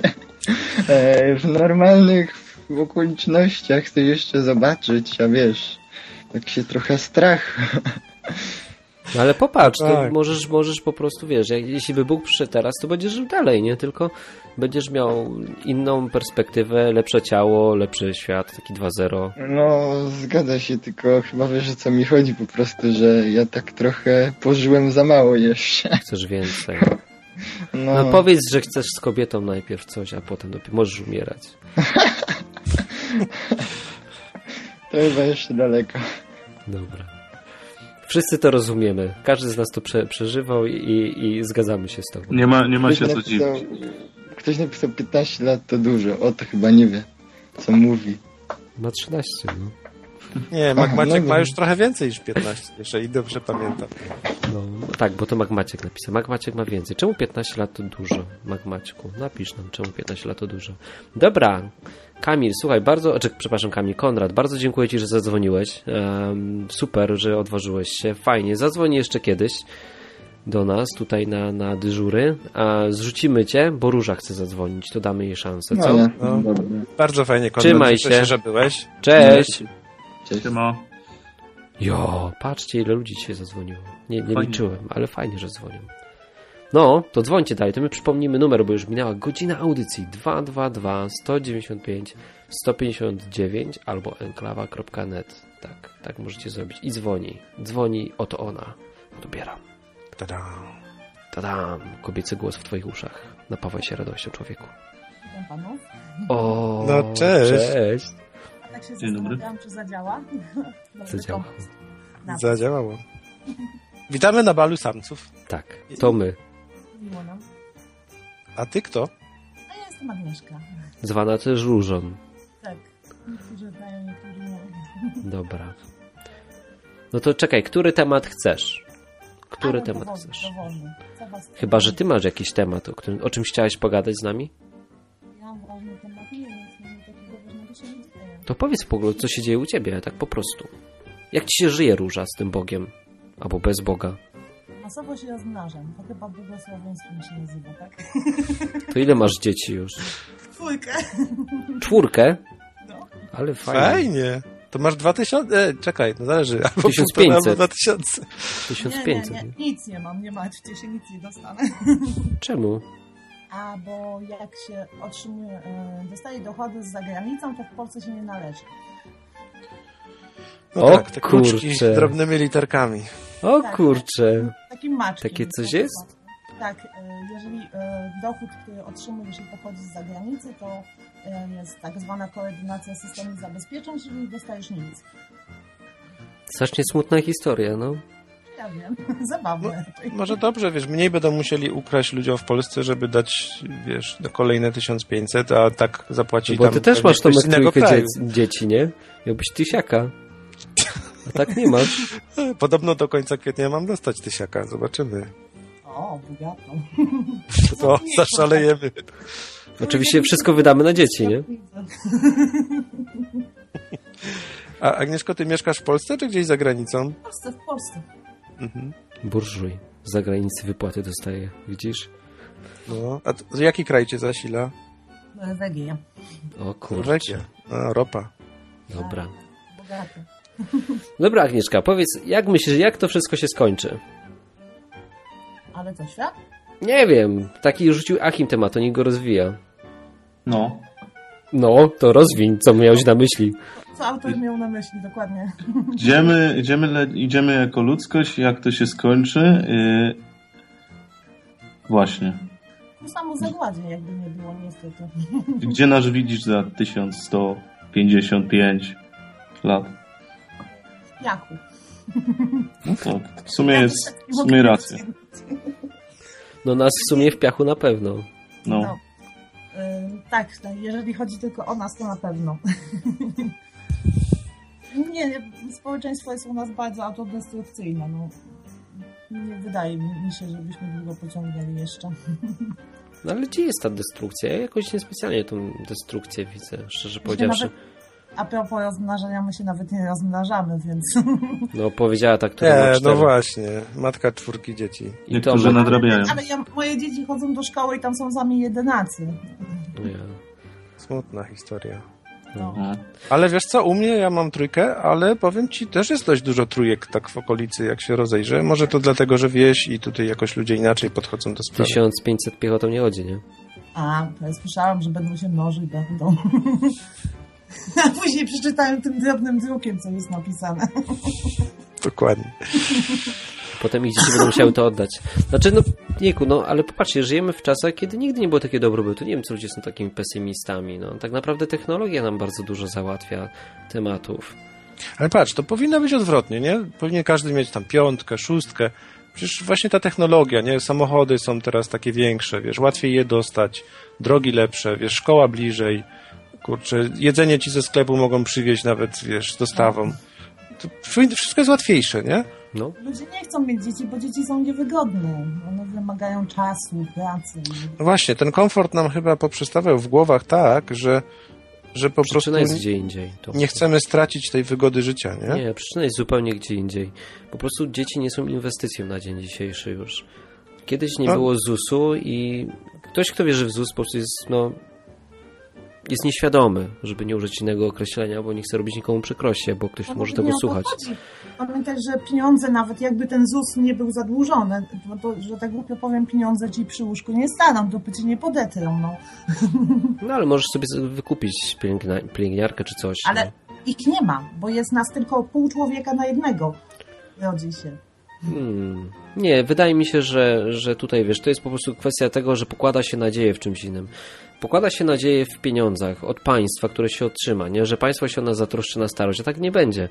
A nawet jak będzie to na żałosnym jakimś poziomie, no jak to przeważnie, jak Państwowa Służba Zdrowia, czy Policja, czy, czy wszystkie jakiekolwiek służby, które są państwowe, no są na bardzo niskim poziomie. No. Nie wiem, czy, czy znacie jakąś służbę, która jest na wysokim poziomie? Państwo? Specjaliści, e, służba specjalna policji. Oni są dobrzy i wyszukują mm, przestępców na całym świecie, na przykład. Okej, no to jest jakiś wyjątek potwierdzający regułę. No nie korzystałem, to nie wiem, nie? Znaczy, za, zależy Hubert z jakiego punktu widzenia, bo z punktu widzenia pewnie, wiesz, kierownika Izby Skarbowej, to mamy fantastyczny aparat skarbowy, nie? Po prostu superowy. Potrafi O, tak... skarbówka mi przy tego siadła na konto, ale byłam w szoku. Kto? Skarbówka. Aha.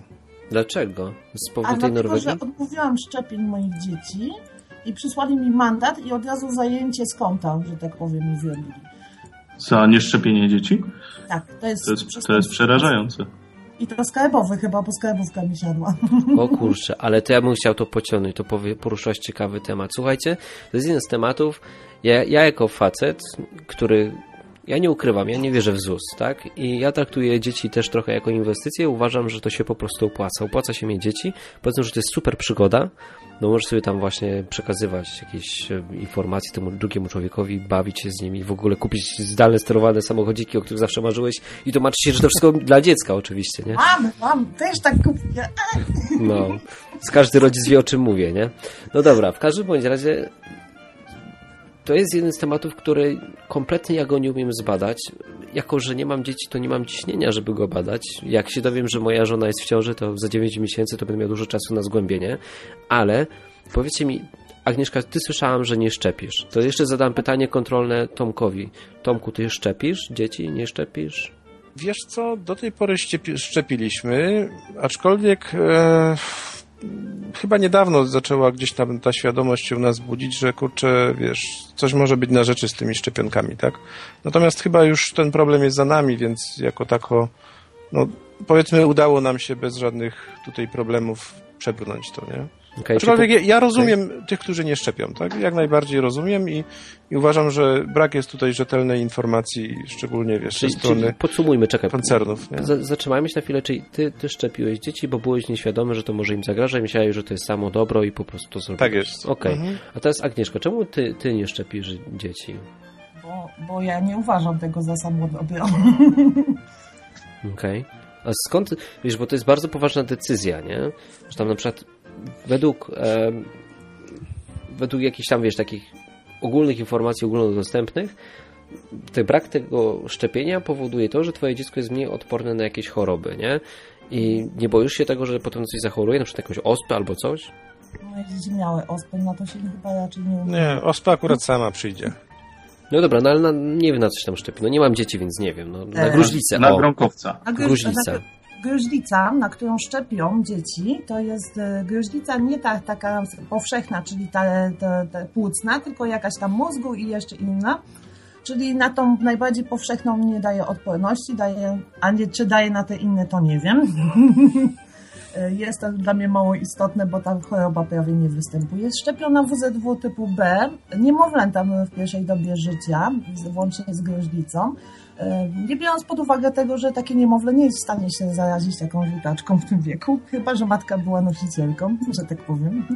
No, szczepią na różne rzeczy. Szczepią na świnkę, na ody, na różyczkę, z czego świnka jest całkowicie bezpieczna dla dziewczynek, a różyczka dla chłopców i w ogóle są takie dziwne miksy. No i skład chemiczny szczepionek jest ciekawy albo nieciekawy, bo niektóre szczepionki są na komórkach ludzkich, pochodzenia oczywiście okropnego, czyli z aborcji produkowane. No różne cuda i cudeńka są i nie chciałabym tego faszerować. A jeszcze składniki dodatkowe, bo mi akurat jeśli chodzi o szczepienia, to mam przyjaciółkę, która jest neurofizjologiem i ona, jak urodziłam drugie dziecko, przysłała mi po prostu wypis, mówi, musisz to poczytać, mówi, że skład chemiczny i jak to wpływa na mózg.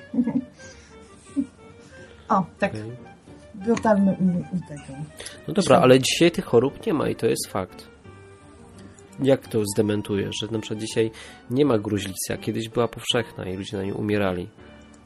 Znaczy gruźlica występ, występuje, ta, ta mm, płucna, że tak powiem, to jest Okej. choroba biedoty w skrócie myślowym. E, To jest ludzie o, wiesz, ży- żyjący w ciężkich warunkach, o obniżonym tam... Mm, mm, Czy uważasz, że choroby nie występują, bo podniosą nam się warunki życia? Tak, uważam, że choroby nie występują, bo po- polepszyły nam się warunki życia. To znaczy, ja mam czwójkę dzieci, dwójka była szczepiona, dwójka nie. O właśnie, ciekawe, porównaj jak, jak to wygląda. E, Dzieci, te, które były szczepione do drugiego roku życia, chorowały non-stop, były hospitalizowane, co szczepienie i to były już na coś chore. Te, które nie szczepiłam, nigdy w życiu nie były chore. No ale to jest za mała próbka, żeby chyba podjąć taką decyzję, że to, wiesz, no trzeba by to przeprowadzić na większej próbce, nie? No, na większej próbce, na małej próbce, na takiej na czteroosobowej, pół na pół, jedne szczepione, drugie nie, czwórka nieszczepionych nie choruje w ogóle. No to jest ciekawy wniosek. No to jest taka fałszywa powszechność. Ja się tutaj nie zgodzę, no bo to jest opieranie takiej swojej argumentacji na niereprezentacyjnej próbce statystycznej. To znaczy, ja ci powiem, Hubert, tak. e, To jest tak. Może moje dzieci nie są reprezentatywne dla kogoś innego, ale dla mnie są reprezentatywne. Nie, ja ciebie rozumiem świetnie, ale wiesz, chodzi o to, że teraz my musimy podjąć warunkach. decyzję, my musimy, wiesz, bo ty już podjęłaś, nie? Ja No. Ja chciałbym, żebyśmy, wiesz, jako chrześcijanie, którzy... A, wiecie co, bo czym się różni chrześcijanin od takiego innego zwykłego człowieka? My wiemy, że ludzie są źli, bo tak nam mówi Biblia, że człowiek z natury jest zły. Więc zakładamy, że ktoś może chcieć zrobić jakiś przekręt i, i że nie chcą nam wszyscy zrobić dobrze, tylko że może być po prostu tak, że ktoś nas tutaj oszukuje, nie? Tak było niejednokrotnie, więc stąd to się bierze i dlatego o tym rozmawiamy. Tak, tak przynajmniej ja dlatego chciałem poruszyć ten temat. I teraz jako chrześcijanie, jako wolni ludzie, gdzie naszym królem jest Jezus i, i Jezus mówi, że jesteśmy wolni i i nie dał władzy państwu do tego, żeby nam mówiło, że mamy szczepić dzieci czy nie, więc musimy podejmować decyzje sami indywidualnie, nie? I to wiąże się z odpowiedzialnością. Ja się czuję odpowiedzialny za moje dzieci, które się jeszcze nie urodziły i chciałbym tę decyzję podjąć świadomie, nie? Nie potrafię tego zrobić. Od razu mówię, że nie przyłożyłem się do tego nigdy, bo nie miałem takiej potrzeby, nie? No bo po co? Ja już jestem szczepiony, więc dla mnie temat jest nieważny, dzieci nie mam, ale kiedyś planuję mieć. No. Trudna Ale jak sprawa. ty byłeś szczepiony taką ilością szczepionek, że twoje, twoje dzieci będą miały dwa razy więcej. Okej. Skrócie Zawsze, zawsze się potem mówi, tylko nie w szczepionkę, ała, ała. No, no, A Znaczy, pamiętacie... Sorry. No, no, to mów. No, pamiętacie tą historię, jak e, cały świat się szczepił, a pani Kopacz zablokowała szczepionki i wyszło to wszystkim na dobre? Tak, No, ale tak, to bardzo z- pamiętam. Znowu, wiecie, to, to samo mogę powiedzieć, co przedtem, nie? Ale to już mamy trochę prób, próbkę większą, nie? Niż, niż ten, niż cztery osoby. Mm, nie, nie pamiętam, o co tam dokładnie, o jaką chorobę chodziło, ale cała Europa się grypę. ta grypa. Właśnie. I nie umarliśmy, nie umarliśmy jako naród, więc może tak też jest z tymi szczepionkami dla dzieci. To może jak ktoś chce, to słuchajcie, przypominamy, że możecie tutaj dzwonić, że jest to audycja, która nazywa się, kurczę, tak szczerze wam powiem, tak, bo ona nie ma do końca jeszcze nazwy, ale jak na razie roboczo nazywa się Radioaktywni, czyli to jesteśmy my, czyli ta grupa, która tutaj nadaje, a to jest audycja Ostry Dyżur, więc tak, w skrócie. Ale to strasznie długie się robi, czyli Radioaktywni na Ostrym Dyżurze, o, tak. Taka Może długa być, nazwa, może taka być. długa nazwa, dwuczłonowa, ale kurczę, no, czegoś trzeba zacząć, tak A wiecie co? Jeszcze powiem coś o To szczepionkach. przypomnijmy, nie, że 222 195 159 albo enklawa.net. W Dzwońcie. ten sposób Hubert skończył swoją wypowiedź, a ja tylko dodam, że swego czasu było jakieś tam raban na Facebooku odnośnie tego, że mm, dzieci, e, rodzice nie chcą, żeby dzieci nieszczepione były w przedszkolu razem z ich szczepionymi dziećmi, co wydaje się o tyle nielogiczne, że jeżeli zaszczepiłem swoje dziecko, no to nie powinienem się obawiać, że dziecko nieszczepione przywlecze jakąś chorobę, prawda? Bo przecież moje jest zaszczepione. Nie muszę się bać. Co wy na to? No. To jest to absurd. Okej. 222 195 159. Tak. Okej, a ja tutaj staram się na wiki znaleźć historię szczepionek i na co one tak naprawdę na początku jakieś sukcesy, pochodzenie szczepionek, typy szczepionek. Znaczy, Nie Hubert, wiesz co, ja, ja myślę, że nie ma co negować jakby samej dobroczynnego działania szczepionki per se, tak? Bo wiesz, wyjeżdżasz do Afryki, bierzesz szczepionkę na to, na to, na tamto i to rzeczywiście ma sens, tak? Bo, bo ratujesz się przed jakimiś powikłaniami, które cię tam najprawdopodobniej dopadną, czy chcesz, czy nie. Mhm. Natomiast wydaje mi się, że problem jest chyba gdzie indziej. W, w, tym, wiesz, każda obowiązkowość nadzorowana państwowo, wymuszona przez państwo, Okej. no to są, wiesz, grube forsa, tak, łatwy rynek. Jak tylko przebijesz się przez ministra z tym swoim produktem, no to po prostu potem możesz ładować, wiesz, w setkach tysięcy sprzedaż, nie? Mhm. No i Jak komu ma zależeć, żeby, żeby to skończyć, nie? No nie ma nikogo, nie? Mhm. No dobra, ale zadam pytanie ci tak, e, albo inaczej, podam przykład. E, moja Natalia ma jakieś tam wykształcenie farmaceutyczne, tak? I w związku z tym trochę się dowiedziałem o tym świecie i potrafię teraz dostrzec parę jakichś tam aspektów, nawet wyłapuję je bardzo często. Widzę, widzę, że w aptekach jesteśmy nagminnie oszukiwani, nie? Podam przykład. Ostatnio kupiłem sobie krople do oczu. Wiem, że oko nie ma żadnych systemów obronnych, w związku z tym kupuję zawsze krople bez konserwantów. No jako, że siedzę dużo przed komputerem, to czasem to oczy muszę zakroplić. Um, i pani przy kasie mnie oszukała, powiedziała mi, że krople, które może mi zaproponować zamienniki są również bez konserwantów i ma tą samą substancję aktywną. I tak jest bardzo często z lekami, że na przykład taki ibuprom. Ibuprom jest bardzo drogi, a wszystkie te leki ibupromo podobne mają ibuprofen, czyli tą samą substancję i działają dokładnie tak samo. Nie? Ewentualnie dawka tego ibuprofenu może być inna. Ale na przykład taki najtańszy lek z ibuprofenem kosztuje 6 zł, a ibuprom tam załóżmy przykład 12, nie? czyli płacicie tylko i wyłącznie za markę. Niczym się to nie różni, skład jest dokładnie ten sam. Bo to nie jest jakiś tam rocket science, nie, że tak powiem. To jest po prostu ibuprofen, nic więcej. No, stąd nazwa Ibuprom. Okej, okay, no ale wracając do tego, nagminnie nas oszukują, nie? I jeśli się ich na tym nie złapie, im się tego nie pokaże, to robią to na, celowo, po prostu, bo ilu klientów się wróci, albo ilu klientów przeczyta ulotkę, że tam jest coś innego, nie? Ja napisałem skargę na tą aptekę, w takim sensie, że złapałem ich na tym i powiedziałem, kurczę, są dwie możliwości, albo mi perfidnie oszukaliście, albo nie wiecie, co sprzedajecie, co jest jeszcze bardziej przerażające, bo sprzedajecie leki, nie? Proszę sobie wybrać opcję, która wam bardziej odpowiada. No, w każdym razie oddali mi pieniądze i przeprosili, nie? Kupiłem sobie krople, które chciałem wcześniej, od których zostałem odwiedziony, um, ale tam nie ma za dużo państwa. To jest po prostu wolny rynek. Ale zobacz, ten wolny rynek y, powoduje, że się, wiesz, eliminuje takich sprzedawców. Powiedz, co to była za apteka i po prostu jedź od razu na ostro. Nie rozumiem. Jeszcze raz powtórz. Zobacz, jeżeli cię oszukali w jakiejś aptece, to powiedz nam w jakiej. Dzięki A, temu mechanizmem wolnorynkowym eliminujesz tą aptekę. Okej, okay, wiesz co, przepraszam, po prostu przeczytałem komentarz na tym, na enklawie, no to ja już mówię, gdzie ona jest. To się chyba nazywał Dr. Med, ale żeby nie kogoś nie oczernić, to już Wam tutaj zaraz powiem, bo to jest na Rolnej w Katowicach. Apteka Rolna Katowice. A, to przejeżdżam koło niej dość tak, często. Widzisz, blisko naszej pracy. Tak, Dr. Max, przepraszam, widzisz, bym no, powiedział. Widzisz, będę Apteka Dr. Max, e, znajdująca się na ulicy Rolnej 30 w Katowicach. Więc tą aptekę Na odradzamy. czarną listę. Czarna lista, blacklist. Tam wciskają. No i słuchajcie, jako że wiem, że e, wiem jak działają takie apteki, takie apteki specjalnie wciskają zamienniki bardzo często dużo gorszej jakości, ponieważ mają na nich większą marżę. Więc dlatego je wciskają. Albo kończy im się termin ważności i będą musieli je wyrzucić. Coś z nimi muszą zrobić, nie? Albo przyszły gadżety właśnie z firmy, która sprzedaje tą wersję ibuprofenu. Tak.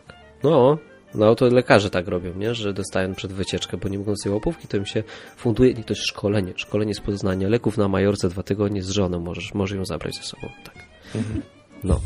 no dobra, Róża, dzięki Ci bardzo za nowy, ciekawy temat, który tutaj mogliśmy poruszyć dzięki Tobie. Mhm. Szczepiony, szczepiony. Jak my, wolni ludzie, mamy z tym żyć, z szczepionką? Płacić mandaty. Płacić mandaty. Ile A kosztuje tak, taki mandat? Właśnie, z ciekawości. To są śmieszne pieniądze, bo na początku dostaje się takie mandaciki co 3 miesiące po 12 zł na głowę, czyli na każde dziecko, nie? nie jakoś tam. Nieszczepione czy szczepione? No nie szczepione. E, ale jak się zgłoszą do wojewódzkiego, e, to dostajesz 5 tysięcy na łeb. O kurczę.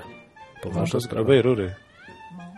Ale ja już, wiesz co, śledziłem trochę wiadomości na ten temat, że tam odwołania są dość skuteczne od tych decyzji, bo te decyzje są bezprawne. Tylko trochę A to trwa. się odwołują, bo nikogo nie stać na płacenie tyle kasy, no bo to za, e, bo płacisz ty pie, pie, to 5 tysięcy i płaci twoja żona 5 tysięcy.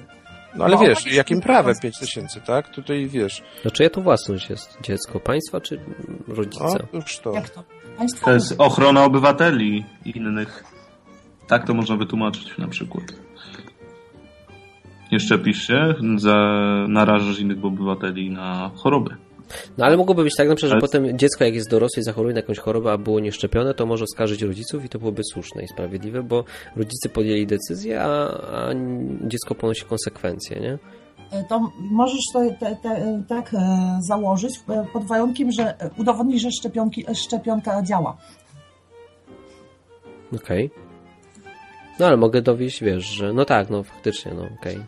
Ale słuchaj, opiekę prawną nad dzieckiem do tam 18 roku życia masz ty, więc twoje decyzje są, wiesz, niepodważalne, nie?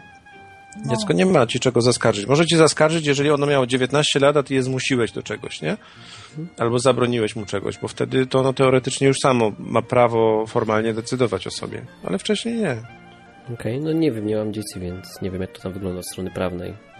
Wiesz, teraz dzieci są takie, że mówią do nauczycieli, że wezmą prawnika, nie? Więc...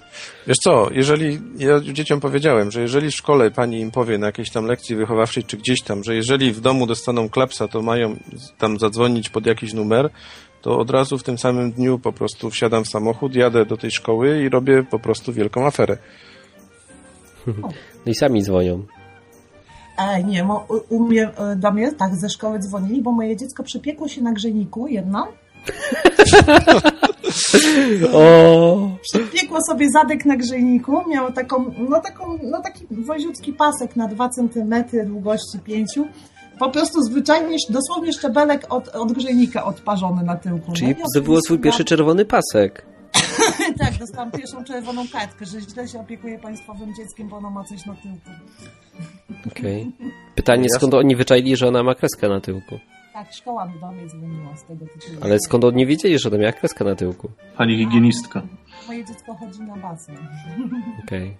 No powiem wam, że dla mnie to jest takie właśnie komsomolskie podejście, że dzieci są państwowe i to jest jedna z najohydniejszych rzeczy, w jaką ludzie w tym kraju wierzą. Wiecie, mnie to przeraża osobiście, bo po prostu to, to jest dla mnie nie do wiary, że można w ten sposób... Ja, ja widzę to, jak, jak rodzice inni traktują, wiesz, nauczyciel to, co powie, jest święte, to, co tam powie ksiądz na religii jest święte. To wszystko, co o ich własnych dzieciach mówią obce osoby, jest dla nich ważniejsze niż ich własna opinia, niż ich własne dzieci. Mnie to przeraża, powiem wam szczerze. Ale Może dzieci- to wynika z tego, że nie wszyscy się czują tacy fajni, albo nie wiem. em, Słuszni, wiesz, tacy jacyś- no, no właśnie. prawi, nie? Nie wszyscy są takie mają poczucie, nie? Ludzie się naoglądają tych reklam, gdzie wszyscy się uśmiechają i głaszczą i przytulają i tak jest e, przez pięć- 50 sekund co, co 20 minut na Polsacie, nie wiem, nie oglądam. I oni myślą, że tak wygląda życie może, nie wiem. Wiesz, poza tym te słowa, tak, mylenie, tak jak pomylono, wiesz, e, słowo, znaczenie słowa miłość, tak samo, wiesz, bicie dzieci na przykład, mówi się, że to jest równa się maltretowanie dzieci, czy nie wiadomo jaki sadyzm, tak?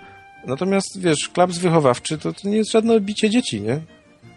No nie, no nie jest to bynajmniej znęcanie się. No Teraz, oczywiście. Czyli teraz to publicznie na antenie przyznajesz się, że dajesz dzieciom klapsę? Ja? Tak. Nigdy w życiu. Ale was wziąłem, co? Kubercik, a, a swojemu pieskowi dajesz czasem Pewnie, oczywiście. Możecie mnie posądzić. za Znęcasz się nad zwierzętami. zwierzakiem, no jak Ja się możesz? nie boję, ja jestem anarchistą. A za znęcanie się nad zwierzętami dają większe wyroki Jeszcze- za ludzi niż za.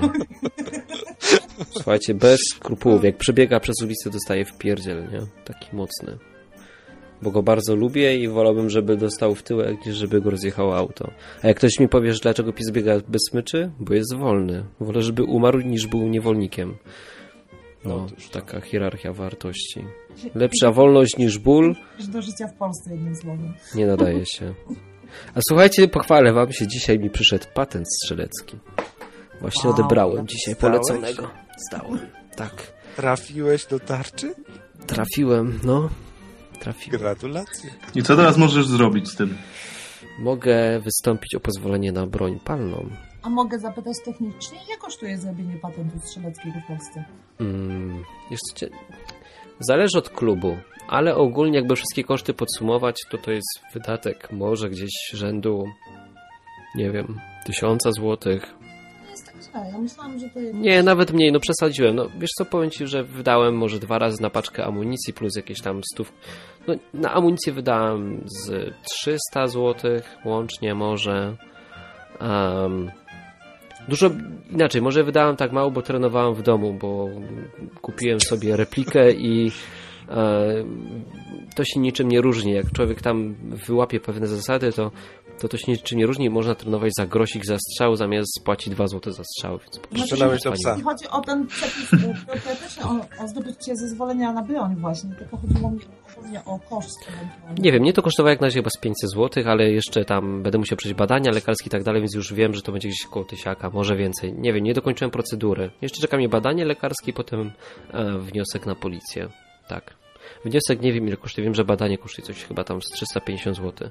No więc łącznie może w tysiaku się zamknie. Tysiak i macie klamkę. To nie jest tak. Śpieszcie się, bo co niedługo się skończą takie luksusy, więc nie żebym tutaj zachęcał, ale warto Ja by było. słyszałam, że w Unii chcą zakaz posiadania przez wszystkich w ogóle dym. No. No, dlatego kupujcie czarnoprochowce, bo są nierejestrowane. Ja tutaj kupuję jedną taką broń nowoczesną, żebym po prostu miał, póki mi jej nie zabiorą, ale mm, na pewno kupię dużo czarnoprochowców. A lot of. Będzie dużo, dużo, dużo. Będę chował i będę rozdawał, dawał prezenty, żebyście mieli. Pochowajcie gdzieś po szafach. Bo to nigdzie się nie rejestruje, więc no, jak, będziecie, jak będziecie, będą chcieli od was dowód, to kupcie w Czechach. Nie kupujcie tutaj, żeby nie było zarejestrowane. Bo przyjdą i zabiorą. A no. No, tak zróbcie, bo to naprawdę, jak, jak jeśli będzie tak, jak się zapowiada, że będzie, a matematyka na to wskazuje, czyli że przez te 500 plus i inne jakieś ciekawe pomysły, nie wiem, czy wiecie, na 500 plus wzięto z takiego zapasu, który miał być na emerytury za 3 lata, a, więc już teraz wiadomo, że nie ma pieniędzy na emerytury już na wypłaty za 3 lata. Za 3 lata teoretycznie braknie nam kasy, nie? O, Znajdą się, znajdą się. Ale w polityce 3 lata, Hubert, to jest normalnie jak 200 lat, wiesz, życia normalnego człowieka. Dwa, Ci ludzie o tym nie myślą. No dobra, no w każdym bądź razie, co się będziemy przejmować, nie? Za trzy lata skończy się kasa. Um, no i wtedy na pewno te rewolwery będą ciekawą alternatywą dla złota. Tak ostatnio wymyśliliśmy z kumplami, że to jest też fajne aktywo, nie? Lepsze Ale czekaj, czekaj, Hubert, a gdzie ty gromadzisz swoje skarby, że ty tutaj z pluwem musisz na ziemi mieć? Ja nie chcę mieć spluwy dla siebie. Mieć dla innych. To są te, to są te dwa miecze. Nie, wiesz co, ja, ja to widzę tak, że naprawdę byłoby mi przykro, gdybym widział, że na przykład ktoś komuś robi krzywdę, na przykład, że nie wiem, mojemu sąsiadowi wyłamują drzwi do mieszkania i zabierają mu ostatnią konserwę, tak? I on na przykład jest pobity czy coś, a ja nic z tym nie mogę zrobić, bo nie mam mu jak pomóc, bo ich jest czterech, a jestem jeden. Więc chcę mieć wtedy możliwość wyboru i podjęcia decyzji, czy mogę go bronić, czy nie. To po to to robię. Ale nie będę się powtarzał, bo już to mówiłem. Ja mogę Ja tego nie zrezygnować. słyszałem jeszcze. Nie, Bardzo poważnie, ciekawa bo ja, ja chciałem zrezygnować, nawet wam powiem, przyznam się uczciwie, z kupna broni, bo um, mnie Bóg kiedyś uratował przed mm, bandytami i to tak naprawdę w taki przeogromny sposób, że ja miałem nóż i myślałem, że mam broń jakąś, mogę się bronić i sobie go nosiłem, a jak mnie zaatakowało 10 osób, to go nie użyłem, a Bóg ich wszystkich przepędził i miałem taki cud prywatny w swoim życiu. A no i w związku z tym, skoro mam takiego Boga, to po co mi pistolet, nie? Ja uwielbiam mieć to pod kontrolą wszystko i ja bym chciał mieć pistolet, tylko myślałem na tym sporo i stwierdziłem, że skoro Bóg mi nauczył mnie czegoś, to może nie powinienem go mieć. No a potem zacząłem rozpatrywać wszystkie, wszystkie jakieś tam um, wszystkie jakieś sytuacje i doszedłem do wniosku, że dla siebie mógłbym zrezygnować, ale nie chciałbym rezygnować dla kogoś, nie? Chciałbym go obronić. No, nie chciałbym po prostu stać przed taką sytuacją, że nie mogę nic zrobić i musiałbym patrzeć, jak ktoś tak cierpi. No nie, wyobraźcie sobie, że przecież ktoś kogoś gwałci, a wy nic nie możecie zrobić, nie? Straszne to jest. Nie chciałbym tego oglądać, no. Ja, ja powiem ci, wyobrażam sobie tę sytuację, wiesz, tam gdzie wpadał jakiś szaleniec na tych uniwersytetach amerykańskich, tak? I, i, i wiesz, stada młodzieży. No i, no i co oni mogli zrobić, nie? Mm. Chociaż też, żeby nie było, nie? Bo to było tak, że, że Bóg mnie obronił już od razu, w takim sensie, nie wiem jak się do tego odnieść, to możecie mi napisać w komentarzu, jako inni ludzie, którzy znają Boga. Ja miałem taką sytuację, że szedłem sobie drogą i szło takich, kibole jacyś szły, nie? I mi nic nie zrobili, ale zaczepili mojego kolegę, który szedł ze mną i jego zaczęli bić, nie, nie mnie. Ja miałem do wyboru albo go zostawić, albo stanąć w jego obronie, nie? Więc skoro wiedziałem, że staję w jego obronie, a mam ten nóż, to go może wyciągnę i ich przestraszę, że oni sobie uciekną, nie? Bo mam przewagę jakąś, no mam groźne narzędzie. Okazało się, że nie uciekali, bo nóż był czarny i go nie wiem, czy nie zauważyli, czy co. No i miałem wtedy do wyboru, że albo ich będę tym nożem atakował, albo, albo nic nie zrobię, nie? No i schowałem ten nóż za plecy, żeby mi go nie zabrali i, no i stwierdziłem, że lepiej oberwać, nie? Niż, niż tam kogoś zabić.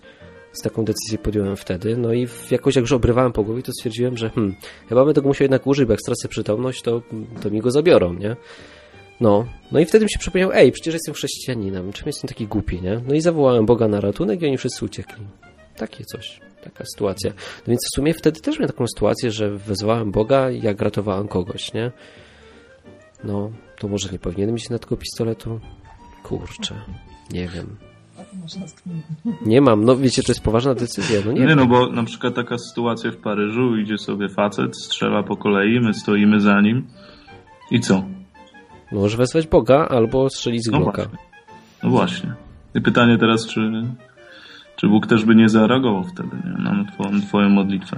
No ale do pytania, a czy Bóg chce, żebyś, może, to po co zapinać pasy? Bo to jest ta sama sytuacja, nie? Po co zapinać pasy, mieć gaśnicę w budynku, apteczkę w samochodzie, skoro zawsze możesz zawołać do Boga?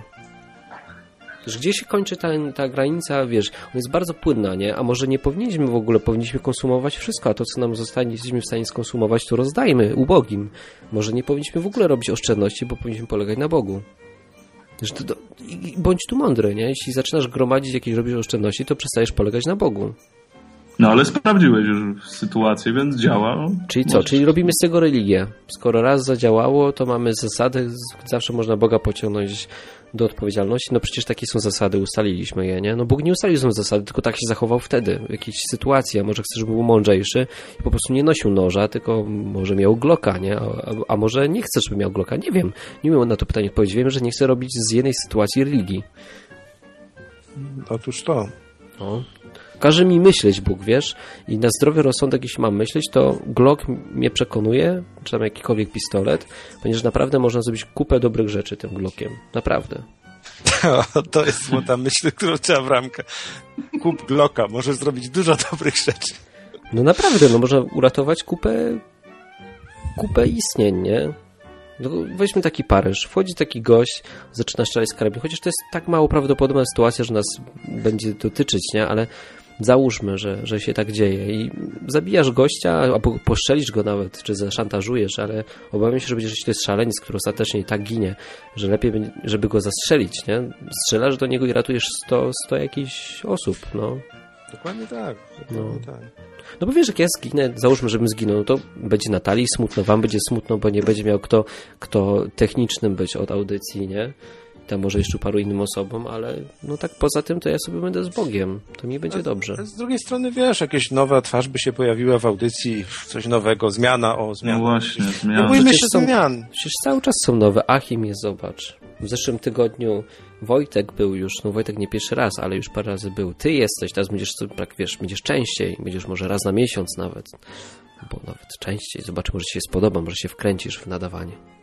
Zobaczymy. No. Zobaczymy. Chciałbym, żeby się, wiesz, żebyś zawsze miał z kogo wybrać. Ja też bym tak chciał. No, cieszę się jak na razie, że tutaj sobie możemy razem nadawać. Słuchajcie, będę przypominał, bo już jest 22.39. E, jakoś się rozgadaliśmy. Fajnie. Mamy 20 minut na przyspieszenie tempa. Fajnie jest tak, powiem wam. No, robi, robią się noce takie na odwyku. Kiedyś było coś takiego i, i, i teraz czuję ten klimat, nie? Tak sobie siedzę, bujam się na moim foteliku, jest już bardzo późno. Zostały już e, tylko takie wytrwałe osoby, które chcą tutaj z nami być i słuchać naszego gaworzenia. Ale fajnie, gdybyście zadzwonili i sobie z nami otworzyli jakieś piwo i wypili, albo wino, jak Achim. 222 195 159 albo enklawa.net. W każdym mieście. Agnieszko, jesteś z nami jeszcze? Tak, jestem, jestem. Tobie też bardzo się cieszę, że się zaodwa- odważyłaś. Dzwoniłaś kiedyś wcześniej na odwyk? Na przykład? Tak, Okej. Aha, aha, fajnie. No to dobra, nie ma już balu samców. Udało ci się tą imprezę trochę, wiesz, zmienić. Nie popsuć. Fajnie jest, jest lepiej. A słuchaj, coś. Czekaj, jakie mieliśmy tematy? Był, o tematach Ima poruszyliśmy, mój chyba o zmianach też, a Hubert, ty miałeś jeszcze temat. A mój temat, nie wiem, to jak, jak on nie umiem życiowo sprzedać, więc chyba go wyrzucę do kosza jak na razie. Musiałbym go ubrać w inne słowa, brakuje mi jakoś, bo to wiecie, przemyślenia z dzisiaj na gorąco, miałem bardzo Aha. ciekawe, bardzo ciekawą rozmowę w samochodzie i stąd takie przemyślenia. Um, rozmawiałem z takim człowiekiem właśnie na temat e, na temat tego, czy chrześcijanin musi przestrzegać prawa, nie? No i, i widziałem, jak bardzo często ja też mam z tym problem, żeby było jasne, nie? Też tego nie do końca rozumiem. o zawsze mam jakim prawie mówisz? Jakie prawo masz na myśli? O, jakie prawo mam na myśli? No prawo... Okej. Jakieś wymyśliłem świetne porównanie. Mogę się z nim podzielić z wami i na podstawie tego możemy budować jakąś rozmowę, nie? E, W Polsce jest obowiązek meldunku, pomimo wielu plotek, że go nie ma, to ja wam mówię, że jest. E, Możecie sprawdzić. Mm, I obowiązek meldunku, jeżeli się nie zameldujecie, nie jest karany. Czyli prawo, y, jeśli, jeśli nie przestrzegasz prawa, nie ponosisz tego konsekwencji. Mi się to bardzo kojarzy z chrześcijaństwem, bo jest jakieś prawo, czy to prawo u Żydów, czy prawo nasze takie, nie? Czyli tam, że sumienie będzie na sądzie, czyli my tak podskórnie wiemy, co jest dobre, co złe. Na przykład jak komuś coś kraniesz, to wiesz, że to jest złe i, i twoje sumienie cię osądza i będziesz na tej podstawie sądzony. No więc jakieś prawo jest, ale... Naturalne. Tak, takie naturalne, ale wiem o tym, że te prawo, jeśli złamie te prawo, to ono nie ma żadnych konsekwencji, jeśli chodzi o, o moje życie wieczne, bo e, Jezus te konsekwencje wziął na siebie, więc jest bardzo podobny do meldunku. Coś tam nam gra w tle u kogoś, nie wiem u kogo. Halo, halo? Ktoś musi wyciszyć mikrofon, bo u niego radyjko gra. Dobra. Um, no więc wracając do tego przykładu, więc, więc um, jeśli jesteś patriotą, załóżmy, nie? I twoje państwo ci mówi, że masz się zameldować, bo ja bym chciał. Co prawda, nic ci nie zrobię, jeśli tego nie zrobisz, bo jest, nie ma konsekwencji tego. Ale chciałbym, żeby się zameldował, będzie mi łatwiej prowadzić administrację i w ogóle fajnie będzie, będę wiedział, gdzie przyjść do ciebie z komornikiem, ze skarbówką i gdzie policja ma wpaść o czwartej rano. Jak jesteś patriotą, to się zamelduj. No, to podobnie jest z Jezusem, nie? że Jezus jest moim królem, ja się nazywam jego uczniem, w związku z tym może warto, żebym robił to, co mu się podoba, nie? Czyli może jak tym Żydom powiedział, że nie podoba mu się na przykład jak jedzą świniaka, to może pomimo tego, że nie ma konsekwencji, to fajnie by było, gdybym nie jadł. No, tak, takie coś, takie coś. I teraz pytanie, czy, czy, Czy Bogu się Żydem? podoba? Nie, nie, czy jesteś Żydem. Czy Bogu się podoba na przykład to, jeśli um, jeśli sprawdzasz, co tam jest napisane w Starym Testamencie i stosujesz to, pomimo tego, że nie ma kary, tylko dlatego, że go lubisz. No tak. No dobrze, pomimo tego, że jest to... No dobra, czepiam się, no bo to jest dla Żydów, tak? To pytanie, czy czujesz się, że ciebie to dotyczy, czy jesteś tylko obserwatorem? No i no, pytanie właśnie, co znaczy, no prawo mnie nie dotyczy. Bo nawet inaczej, gdybym nawet był Żydem, nie? To raz, że ta umowa już jest nieważna, bo Mhm. została, że tak powiem, przez Żydów zerwana, nie przez Boga. Jedyna osoba, która wypełniła te warunki, to jest Jezus, a ja jakoś, no w sumie to trochę jestem Żydem, wiesz, bo Jezus był Żydem, wypełnił tą umowę, a ja się po nią ładu, jak, jak, podpinam na lewo, bo Jezus mi pozwolił. No to trochę tak. Taki du- duchowy Żyd, nie? To No, tak się, trochę jak, tak. Coś takiego jakby się czuje, tak. No, A Żyd, Żyd szczepiony trochę, nie? no. Tak. Tak, ta gałązka taka... Żyd Wszczepiona, nie? No więc wiesz, teraz ja się pytam, Jezu, podoba ci się jak nie wiem świniaka, czy po prostu jestem głupi i sobie wymyślam religijne zasady, nie? To takie pytanie. To jest jak z tym, jak z tym teraz, wiesz, zasadę sobie wymyślamy, nie? Czy żyć tak jak oni żyli, pomimo tego, że tego nie rozumiemy, ale robimy sobie zasadę, bo tak jest bezpieczniej? Czyli na przykład nie kupię Glocka, bo to wymaga ode mnie myślenia, nie? I podejmowania decyzji. A, zrobiłem sobie religijną zasadę, że Bóg mnie uratuje zawsze, co jest bzdurą bo nie musi tak być. A, I nie może, może też nie muszę, może Bogu jest obojętne, czy jem świniaka, czy nie. I też sobie robię religijną zasadę. No, zastanawiam się nad tym. Pewnie dużo osób innych też. Może nie nad świniakiem, ale nad jakimś innym tematem. Może weźmiemy na jakiś temat bardziej taki, wiesz, z kodu kulturowego. Wielu Wiesz młodych co? osób tu nas słucha. Dzwonią dzisiaj tutaj osoby, które miały po 16-17 lat i tam jest na przykład temat masturbacji, nie? Który też można zaraz tutaj wyciągnąć i o, proszę, jak życiowo się robi, bo każdy, każdy facet ma potrzeby. Słu- Słuchaj, prowokujesz tak, jakbyśmy nie mieli tematów. Ja tylko chciałem odnośnie prawa dodać, że wiesz, jeżeli przestrzegasz, to przestrzegaj wszystko, a jeśli nie przestrzegaj, to niczym się nie czuj związany. Tak, tak ja to widzę. I Ja przyjąłem ten drugi wariant, tak? Żyję z łaski, wiem, że żyję z łaski, wiem, że prawo nie ma już nade mną mocy, więc nie wiem, zostaję przy prawie naturalnym, tak? Bo wiem, że jest Chodzi dobre. o prawo. Jemu chodziło o podobanie się. Tak, chodzi o, o to, że na przykład teraz wiesz sobie i żyjesz. Co, co, co się, na przykład czytasz Biblię i znajesz się, co Bogu się podoba, gadasz z nim, czy po prostu sobie żyjesz, a skoro prawo mnie obowiązuje, to będę sobie żył tak, jak mi się podoba. No tak, ale czekaj, to co się Bogu podoba, to nie znaczy, że to jest to samo, co, co prawo dane Izraelitom. To są dwie różne rzeczy. Ja mogę, wiesz, ja, mi się podoba, jak moje dzieci, wiesz, zachowują się tak a tak, ale reguły, które mamy w domu, które dotyczą tam spania, mycia czy czegoś tam jeszcze, to, to jest zupełnie inna bajka, nie? Tutaj Grabix napisał na czacie i go zacy- zacytuję. Prawo naturalne jest dobre, a prawo Boga nie. No, to jest dobre pytanie. No bo na przykład w Biblii jest napisane w Nowym Testamencie i Paweł mówi, że i, i mówi tutaj konkretnie o Starym Testamencie, nie o Nowym, że całe mm, tam prawo, prorocy, nie, jest dobre i jest, służy do tego, żeby właśnie wychwytywać jakieś błędy. No zobacz, ja mam koncepcję taką. Bóg dał wszystkim to prawo naturalne, tak? Ono jest gdzieś tam w postaci sumienia, czy, czy takich zasad społecznych, bardzo łatwo rozpoznawalne i można je dostrzec y, po prostu w życiu i w prawodawstwie takim oficjalnym i tak dalej, nie? Natomiast Izraelitów, y, czy inaczej, ten naród wybrany, który potem został Izraelitami, Bóg traktował jednak w specjalny sposób, tak? I dla mnie to jest przykład, że wybrał ich po to, żeby nam pokazać, że przez prawo nie możemy się mu przypodobać. Nie? Że to prawo, w którym szukano przypodobania się Bogu, dojścia do Niego, zbliżenia się do Niego, no tak naprawdę okazuje się to niewykonalne, nie? I, I wiecie, jest na to dowód, bo tylko Jezus był w stanie to wszystko wykonać, a jak wiemy, miał, miał cheaty, nie? No, tylko to nie jest odpowiedź na pytanie. To powtórzysz pytanie? Pytanie jest takie, nie? Czy, e, czy to, co jest napisane w Starym Testamencie, to jest opis tego e, życia, jakie Bogu się podoba, jakie powinniśmy wieść? Czy to jest po prostu już tylko historia i możemy sobie to poczytać jako ciekawostka?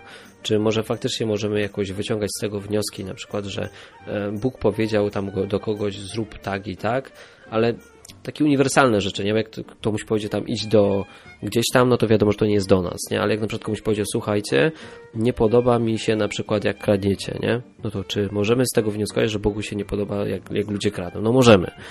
Nie podoba mi się jak kłamią. No podoba, możemy wyciągnąć, nie? Ale to A- akurat masz zbieżność, przepraszam, z prawem naturalnym, tak? Więc musiałbyś poszukać jakiegoś przykładu bardziej specyficznego. Jak ukradłeś, to musisz oddać i, i to dwa razy tyle chyba było. To jest A może, a może że jak, wiesz, chce ci się kupę, to wyjść za obóz, weź łopatkę, wykop dziurę i załatw temat na czysto, nie? O, o, no, no i to jest praktyczne. Tak. No bo jak jesteś No na i- obozie, to no nie, nie robisz kupy w obozie, a jak masz w domu kanalizację, to nie musisz, wiesz. Ale ja porównam, bo mam psa, nie? I mieszkam w mieście, no to ja zbieram po psie, bo to jest słabe, jak ten pies wszędzie sra, nie? I kurczę, wszystko jest obsrane potem. To lepiej to posprzątać, zamiast w obozie zostawiać gdzieś, gdzie ludzie mieszkają, kupę na środku. Praktyczna rzecz. Polecam wszystkim właścicielom psa zbierać kupy, no. O, je, jeśli nie zbierasz kupy, to widzisz, łamiesz prawo Boże. Nawet Psa. No to teraz nadinterpretujesz, bo legalista powie, tam nic nie ma o psach, nie? No legalista, no ale chodzi o zamysł jakiś, nie? Czemu ma być nas srane w tym obozie tutaj u nas? No właśnie, czyli, czyli zobacz, czyli jest coś takiego jak duch prawa, nie? Czyli, czyli jakby ten cel, który stoi za tymi zasadami. Złapałeś mnie, kurczę, no i teraz będziesz to ciągnął pewnie. Ale czemu? To jest przecież bardzo fajne. Ja nie chcę cię łapać, tylko myślę, że. Zobaczcie, prawnicy też mają taki termin, nie? Nie pamiętam, jak to się fachowo nazywało, ale też coś w tym stylu duch litery, czy. czy, czy... Chodzi mi o to, że mają, powinni interpretować przepisy w zgodzie, jakby, wiesz, z duchem ustawodawcy, który je wymyślał, a nie stricte trzymając się literalnie literek, przecinków, wiesz, i interpretacji z, z danej epoki, w której to prawo się stosuje. Dobra, nie? no to na przykład strasznie się nie nosi ubranie z dwóch różnych nici. To jest cytat z, gra, z Grabiksa z czatu. No i masz tam taki faktycznie przepis, że nie wolno nosić ubrań z dwóch różnych tkanin, nie? No i o co chodzi? Jaki jest duch tego przepisu? Podrażnienia skórne. Uczulenie. No Nie noś z lateksu i bawełny. No Wszystkie No. majtki bym musiał sprzedać. No. I teraz Może idziesz do sklepu i tylko 100% bawełna się liczy, bo inne już nie odpadają. No, a jak na drugi jest jakiś koniec świata. Dobra, słuchajcie, ostatnie 10 minut, bo już długo nikt nie dzwoni. My sobie tutaj trzymamy dziewczynę, bo lubimy dziewczyny, mamy dlatego żony. Ehm, trzymamy sobie dziewczynę, ale jak ktoś inny zadzwoni, to ją tutaj ładnie jej podziękujemy, ale jak na razie sobie ją trzymamy. Chyba, że będzie chciała pójść, to może i zawsze. Nie, nie, nie trzymamy jej tu siłą. Więc przypominamy, że macie ostatnią szansę, żeby zadzwonić. 222 195 159 i Achim przypomni, jaki na Skype jest nick. Bo mało mówisz tutaj, to Enklawa.net enklawa.net. z każdego miasta na świecie. To sobie skoro kończymy powoli, bo tutaj do tematu tego prawa nie dojdziemy dzisiaj, ale możecie popisać, co wy o tym myślicie w komentarzach, nie? Bo chciałbym tak życiowo o tym pogadać, no. A Życiowo. wiecie co? nie- Ja nie mam taki nudno. pomysł, jeśli mogę się wtrącić, No. bo, bo słuchajcie, no czasem jest tak, że trzeba jakiś temat sobie przygotować, wymyślić. Może zróbmy tak, słuchacz, który zadzwoni, to może zadzwonić z propozycją tematu na przyszły tydzień. O, to byłoby super. No. Możecie też, jeśli. No to już wam teraz dam ułatwienie i pewnie nikt nie zadzwoni, ale potem wiem, że większość osób tego słucha. Z osoby, które nie są na czacie, a, a słuchują to potem offline, napiszcie nam też w komentarzu pod audycją. To też będzie dla nas wskazówka, nie? Albo na fejsie pod, pod postem z audycją, to też będzie Mhm. super. No. Ale prior- priorytet dałbym tym, którzy zadzwonią i powiedzą, na następny Tak. tydzień zrób, ta, zrób ta temat X. no pod warunkiem, że będzie, będzie jakiś ciekawy, nie? Jakim warunkiem? Nie ma warunków. Po prostu, wiesz, życie pokaże, czy Tutaj na czacie, ktoś, na czacie coś już ktoś pisze masturbacja. No, Ale nie jeśli, liczy się jeśli zadzwonisz, to wtedy będzie się liczyć. To oznacza, Tak że to jest dla ciebie ważne. A jak nie zadzwonisz, to uznajemy, że, że nie. Znajdziemy Dobra. wtedy eksperta od masturbacji i zaprosimy go do następnej audycji. Tak, będziemy sobie z nim gadać. A, Okej, to ja bym chciał ostatnie 8 minut poświęcić tutaj debiutantowi, Achimowi. Achim, przeżyłeś. Dwie godziny na antenie. Tak, wziąłem sobie do serca e, to takie przysłowie biblijne skorzy do słuchania, e, mniej skorzy do mówienia. Albo milczenie złotem, nie? Albo milczenie z... Teraz będzie się wydawało, że, nie jesteś mądry. Tak. I że rozważam to, co mówicie tak dogłębnie i nie chcę pochopnych wniosków wyciągać. A jak się czujesz w roli prowadzącego? Przeraża cię to, czy nie przeraża już? Na razie jeszcze nie prowadzę, więc No to dobra, w, w roli nadającego. e, jest spoko, e, ale jest to stresujące troszeczkę. Co cię najbardziej stresowało? Co sobie ludzie powiedzą. Potem Tak. udostępnisz tą audycję na swoim profilu facebookowym? E, czemu nie? Czemu nie? Słuchajcie, no właśnie, audycja dopiero się rozkręca. Pytam tutaj przede wszystkim ludzi, którzy prowadzą, no bo wiecie, no powinniśmy się nie wstydzić tego, co robimy, nie? Powinniśmy być jawni tam zawsze jak robimy coś, no to czemu mielibyśmy to ukrywać? Ale mamy też prośbę do was. Udostępnijcie tego, tą audycję gdzieś dalej. Podzielcie się z innym. Powiedzcie, że jest takie miejsce, gdzie można sobie przyjść i pogadać o Bogu. Bardzo często, wiecie, ludzie wstydzą się coś zapytać, bo no mo, kurczę, no są, są osobami, które są rozpoznawalne w jakiś sposób, tak? Jeśli idziesz na przykład do konfesjonału, to cię widać tam przez te dziurki, wiadomo kto przychodzi. Jeśli mieszkasz w małej miejscowości, to i tak każdy wie, kto u tego księdza był, nie? I o czym z nim gadał, przynajmniej ksiądz wie, już może być głupio. A tutaj możecie zadzwonić, wymyślić sobie fikcyjny nick, albo nawet kupić jakąś kartę za 5 zł tam startową, zadzwonić całkowicie anonimowo, no już, już naprawdę się ktoś wstydzi kompletnie to niech sobie głos zmieni jakimś syntezatorem, niech tu zadzwoni i pogada, nie, o tym, po to tutaj jesteśmy, po to są te dyżury, żebyście mogli z nami tutaj pogadać wieczorami.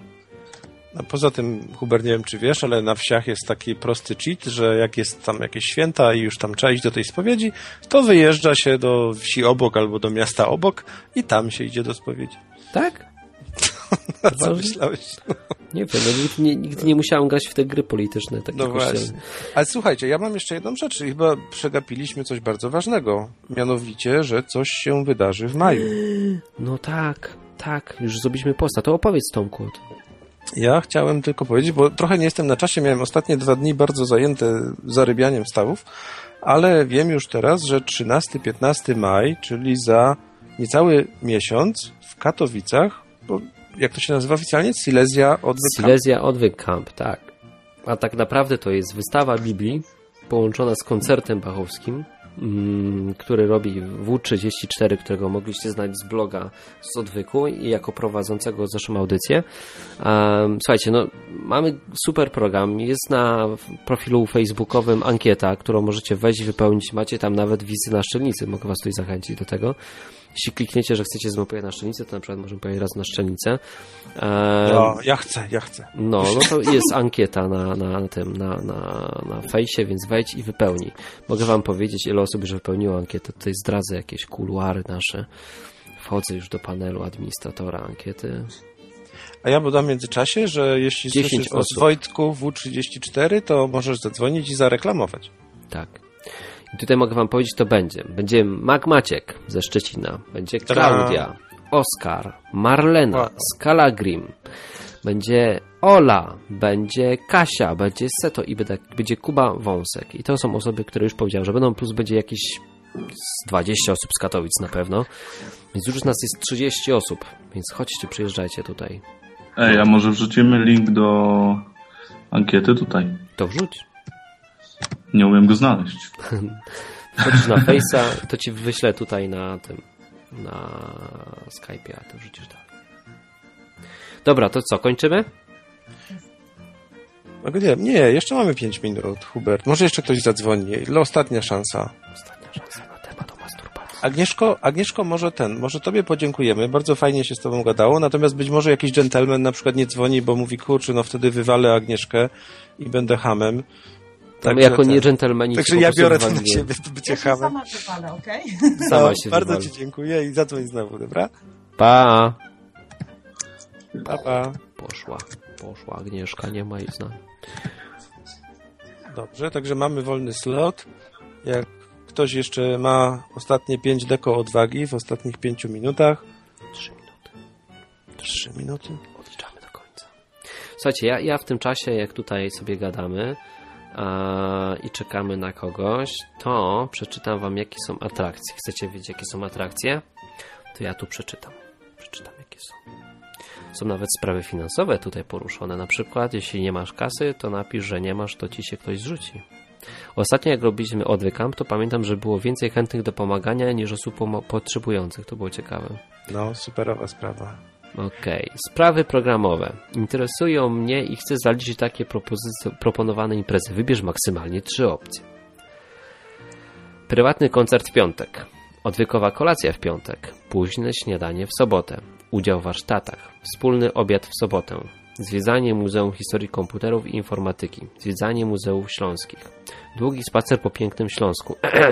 no dobra, no jest teraz zielony, okej. Spacer po Katowicach. Wycieczka samochodem po Śląsku Hałda, Kopiec Park. Publiczny koncert w sobotę. Wejście na wieżę spadochronową 50 metrów ryzykowne i zobaczenie Katowic z góry z Hubertem. Strzelnica, naboje około stówki. I tutaj bym jeszcze dopisał wycieczki rowerowe. I na koniec zadzwonił słuchacz, to jak odbieram. Cześć, odważny człowieku. Cześć. Cześć, witamy cię.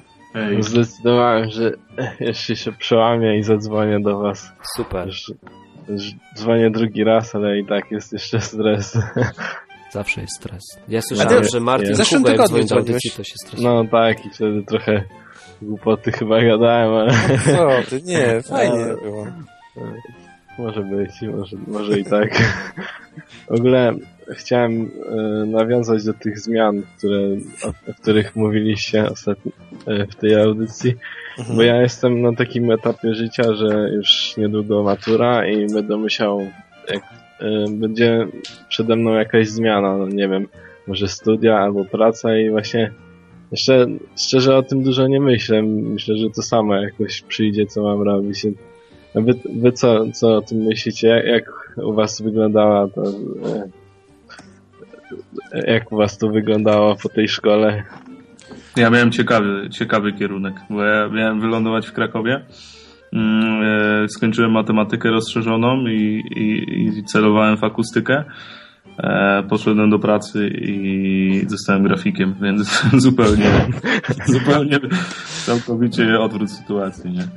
Więc może być różnie, jak znajdziesz pracę i się okaże, że ją polubiłeś, to może być różnie. A miałem ja- tylko się na wakacje zatrudnić. Ja, ja tak myślałem, myślałem trochę o studiach, ale jakoś tak doszedłem do wniosku, że nie są aż takie korzystne, kiedy się nie ma jakiegoś określonego celu, a zdobyć tylko papierek, to w sumie trochę bez sensu i trzy lata nauki to też tak trochę może można z, zmarnować czas. A c- z czego zdajesz maturę? E, Ja e, jestem na techniku informatyku, na kierunku e, i zdaję maturę, znaczy rozszerzam sobie z informatyki i z niemieckiego. Także takie dziwne trochę, ale jakoś ten niemiecki zawsze mi dosyć łatwo wchodził, to mówię, czemu nie? A lubisz programować? Albo bawić się Właśnie- w kodowanie? Właśnie jeśli chodzi o programowanie, to aż nie za bardzo, szczerze, już prędzej jeśli chodzi o tą maturę z informatyki, to wolę tam w tym Excelu nawet zadania z programowania wolę rozwiązywać.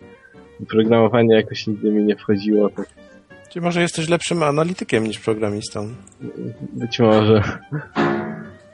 Mhm. Zawsze, zawsze ten, możemy ci tutaj zaprosić do inkubatora, jak zresztą wszystkich. Teraz mamy akurat pełny skład, ale tutaj możemy was zaprosić. Jak ktoś jest programistą albo chciałby spróbować programowania, to zawsze może tam do nas napisać. O. A Nikse, a co nam szkodzi? Będzie jeszcze więcej chrześcijan. A co? Pewnie. I tyle.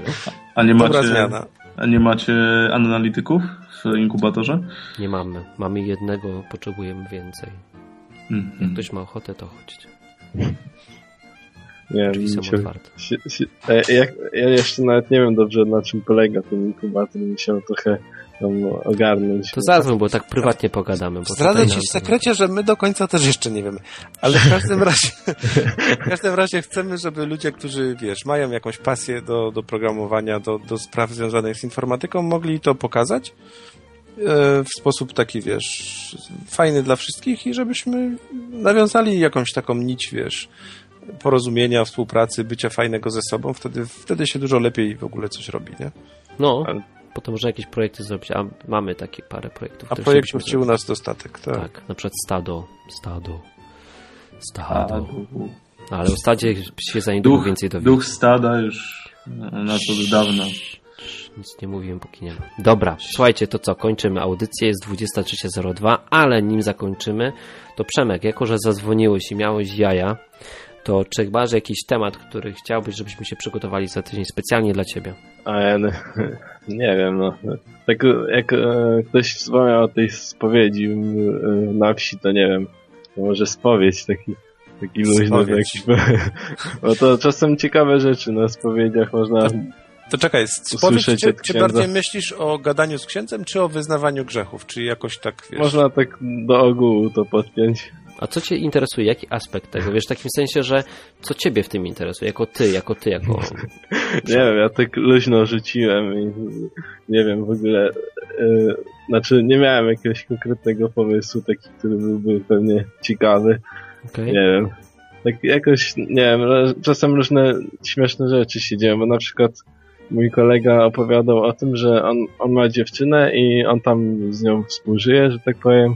I jeśli i ksiądz się pyta często, jak on e, mu wyzna, że współżyje, współżył z dziewczyną, to ksiądz się pyta go, e, Jak było? czy, nie, nie, to się pyta, czy ra- razem mieszkacie, a jeśli mówi, że jakby odpowiedział, że mieszkają razem, to ksiądz nie może mu tego udzielić odpuszczenia grzechów, jeśli nie mieszkają razem.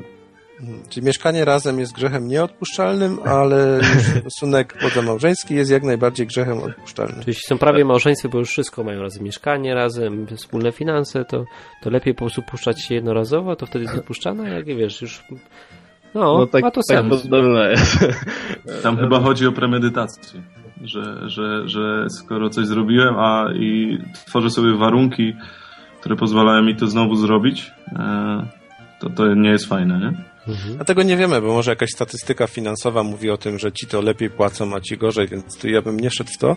Natomiast przypowiem wam tylko z życia sytuację, że jak, jak moja żona e, też się nawróciła w wieku tam też 18 lat i, i mieszkając w domu katolickim, ym, to babcia, że tak powiem, nieżyjąca już za każdym razem mówiła, a ty nie chcesz chodzić do kościoła, bo ty się boisz iść do spowiedzi. Ja raz w życiu byłem w spowiedzi, ale to z kamerą byłem. No, nawet nagrałem, możecie znaleźć na odwyku w którejś z audycji, to chyba tam się Ja też to- nazywa, nie pamiętam jak. Jak, jak kiedyś chodziłem do spowiedzi, to też takiego stresu zawsze miałem. Przychodzę i ksiądz się jeszcze mnie pyta, czemu ty się tak stresujesz? Ty do kościoła pewnie nie chodzisz, bo tak stałeś i się, się patrzyłem na ciebie i, i wiesz, i, i, i się, się mnie wypytuje, czemu ja taki zestresowany, co, że, czego ja się boję i tak mnie jeszcze bardziej mnie zestresowało. Już nie wiedziałem, co mam powiedzieć generalnie, ale tak z takim zarzutem do mnie wyjechał, że nie, no to naprawdę to jeśli o to chodzi, to są takie traumatyczne czasem przeżycia i można nabyć czas spowiedzi, że to jest... A chodzisz jeszcze do spowiedzi? Nie, już, już nie, nie widzę sensu. Odkąd tak zacząłem sobie słuchać Martina i ten odbyt cały odkryłem, to trochę mi się zmienił światopogląd i te jakby e, myślenie na te tematy. No dobra, no to człowieku wolno od spowiedzi i pomyślimy o tym, czy zrobić temat, skoro już ci nie dotyczy. To jak, to jak nie znajdziemy no. lepszego, to ruszymy tam spowiedzi, ale coś wy- przypuszczam, że znajdziemy. Wymyślcie coś lepszego, lepiej. Dobra. Chyba tak zrobimy. No, Bo cię nie dotyczy, to po co? okej, no tak. Dobra, no to słuchajcie, 23.06. Oficjalnie informujemy Was, że audycja radioaktywnych druga dobiegła końca. I teraz na koniec tradycja jakaś musi być. Mamy pewne swoje tradycje. A tradycją jest co? Wiecie jaka jest tradycja? Nie. Się boję. Nie wiecie? No to ja Wam zaraz pokażę. Tutaj, gdzie to jest? Masakra. Teraz moja martoszy, a martoszy katalog mi się zamknął. Szybko! Powiedzcie coś tutaj. Jakiś jingle rozumiem, że teraz jest poszukiwany. Tak. W jinglu objaw się. Mam. Mam, puszczam, więc to. włączę. No to co? Papa? Już puszczam. Tak, poczekaj, już zaraz, moment. Dajcie mi ten. Amator radiowiec. Już. Papa za pięć, papa za cztery, papa za Trzy, cztery. dwa, jeden, żegnamy się. Cześć. Hej. Papa. Margolciu, zaśpiewaj mi coś.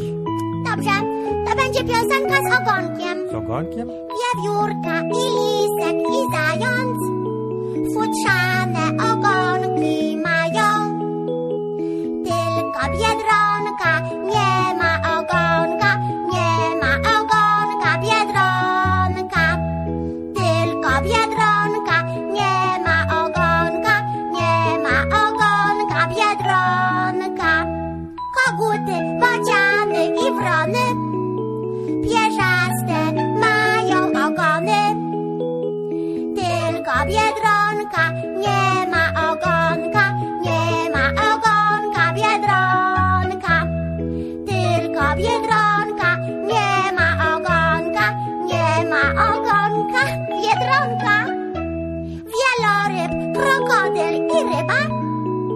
z pomocą ogona pływa.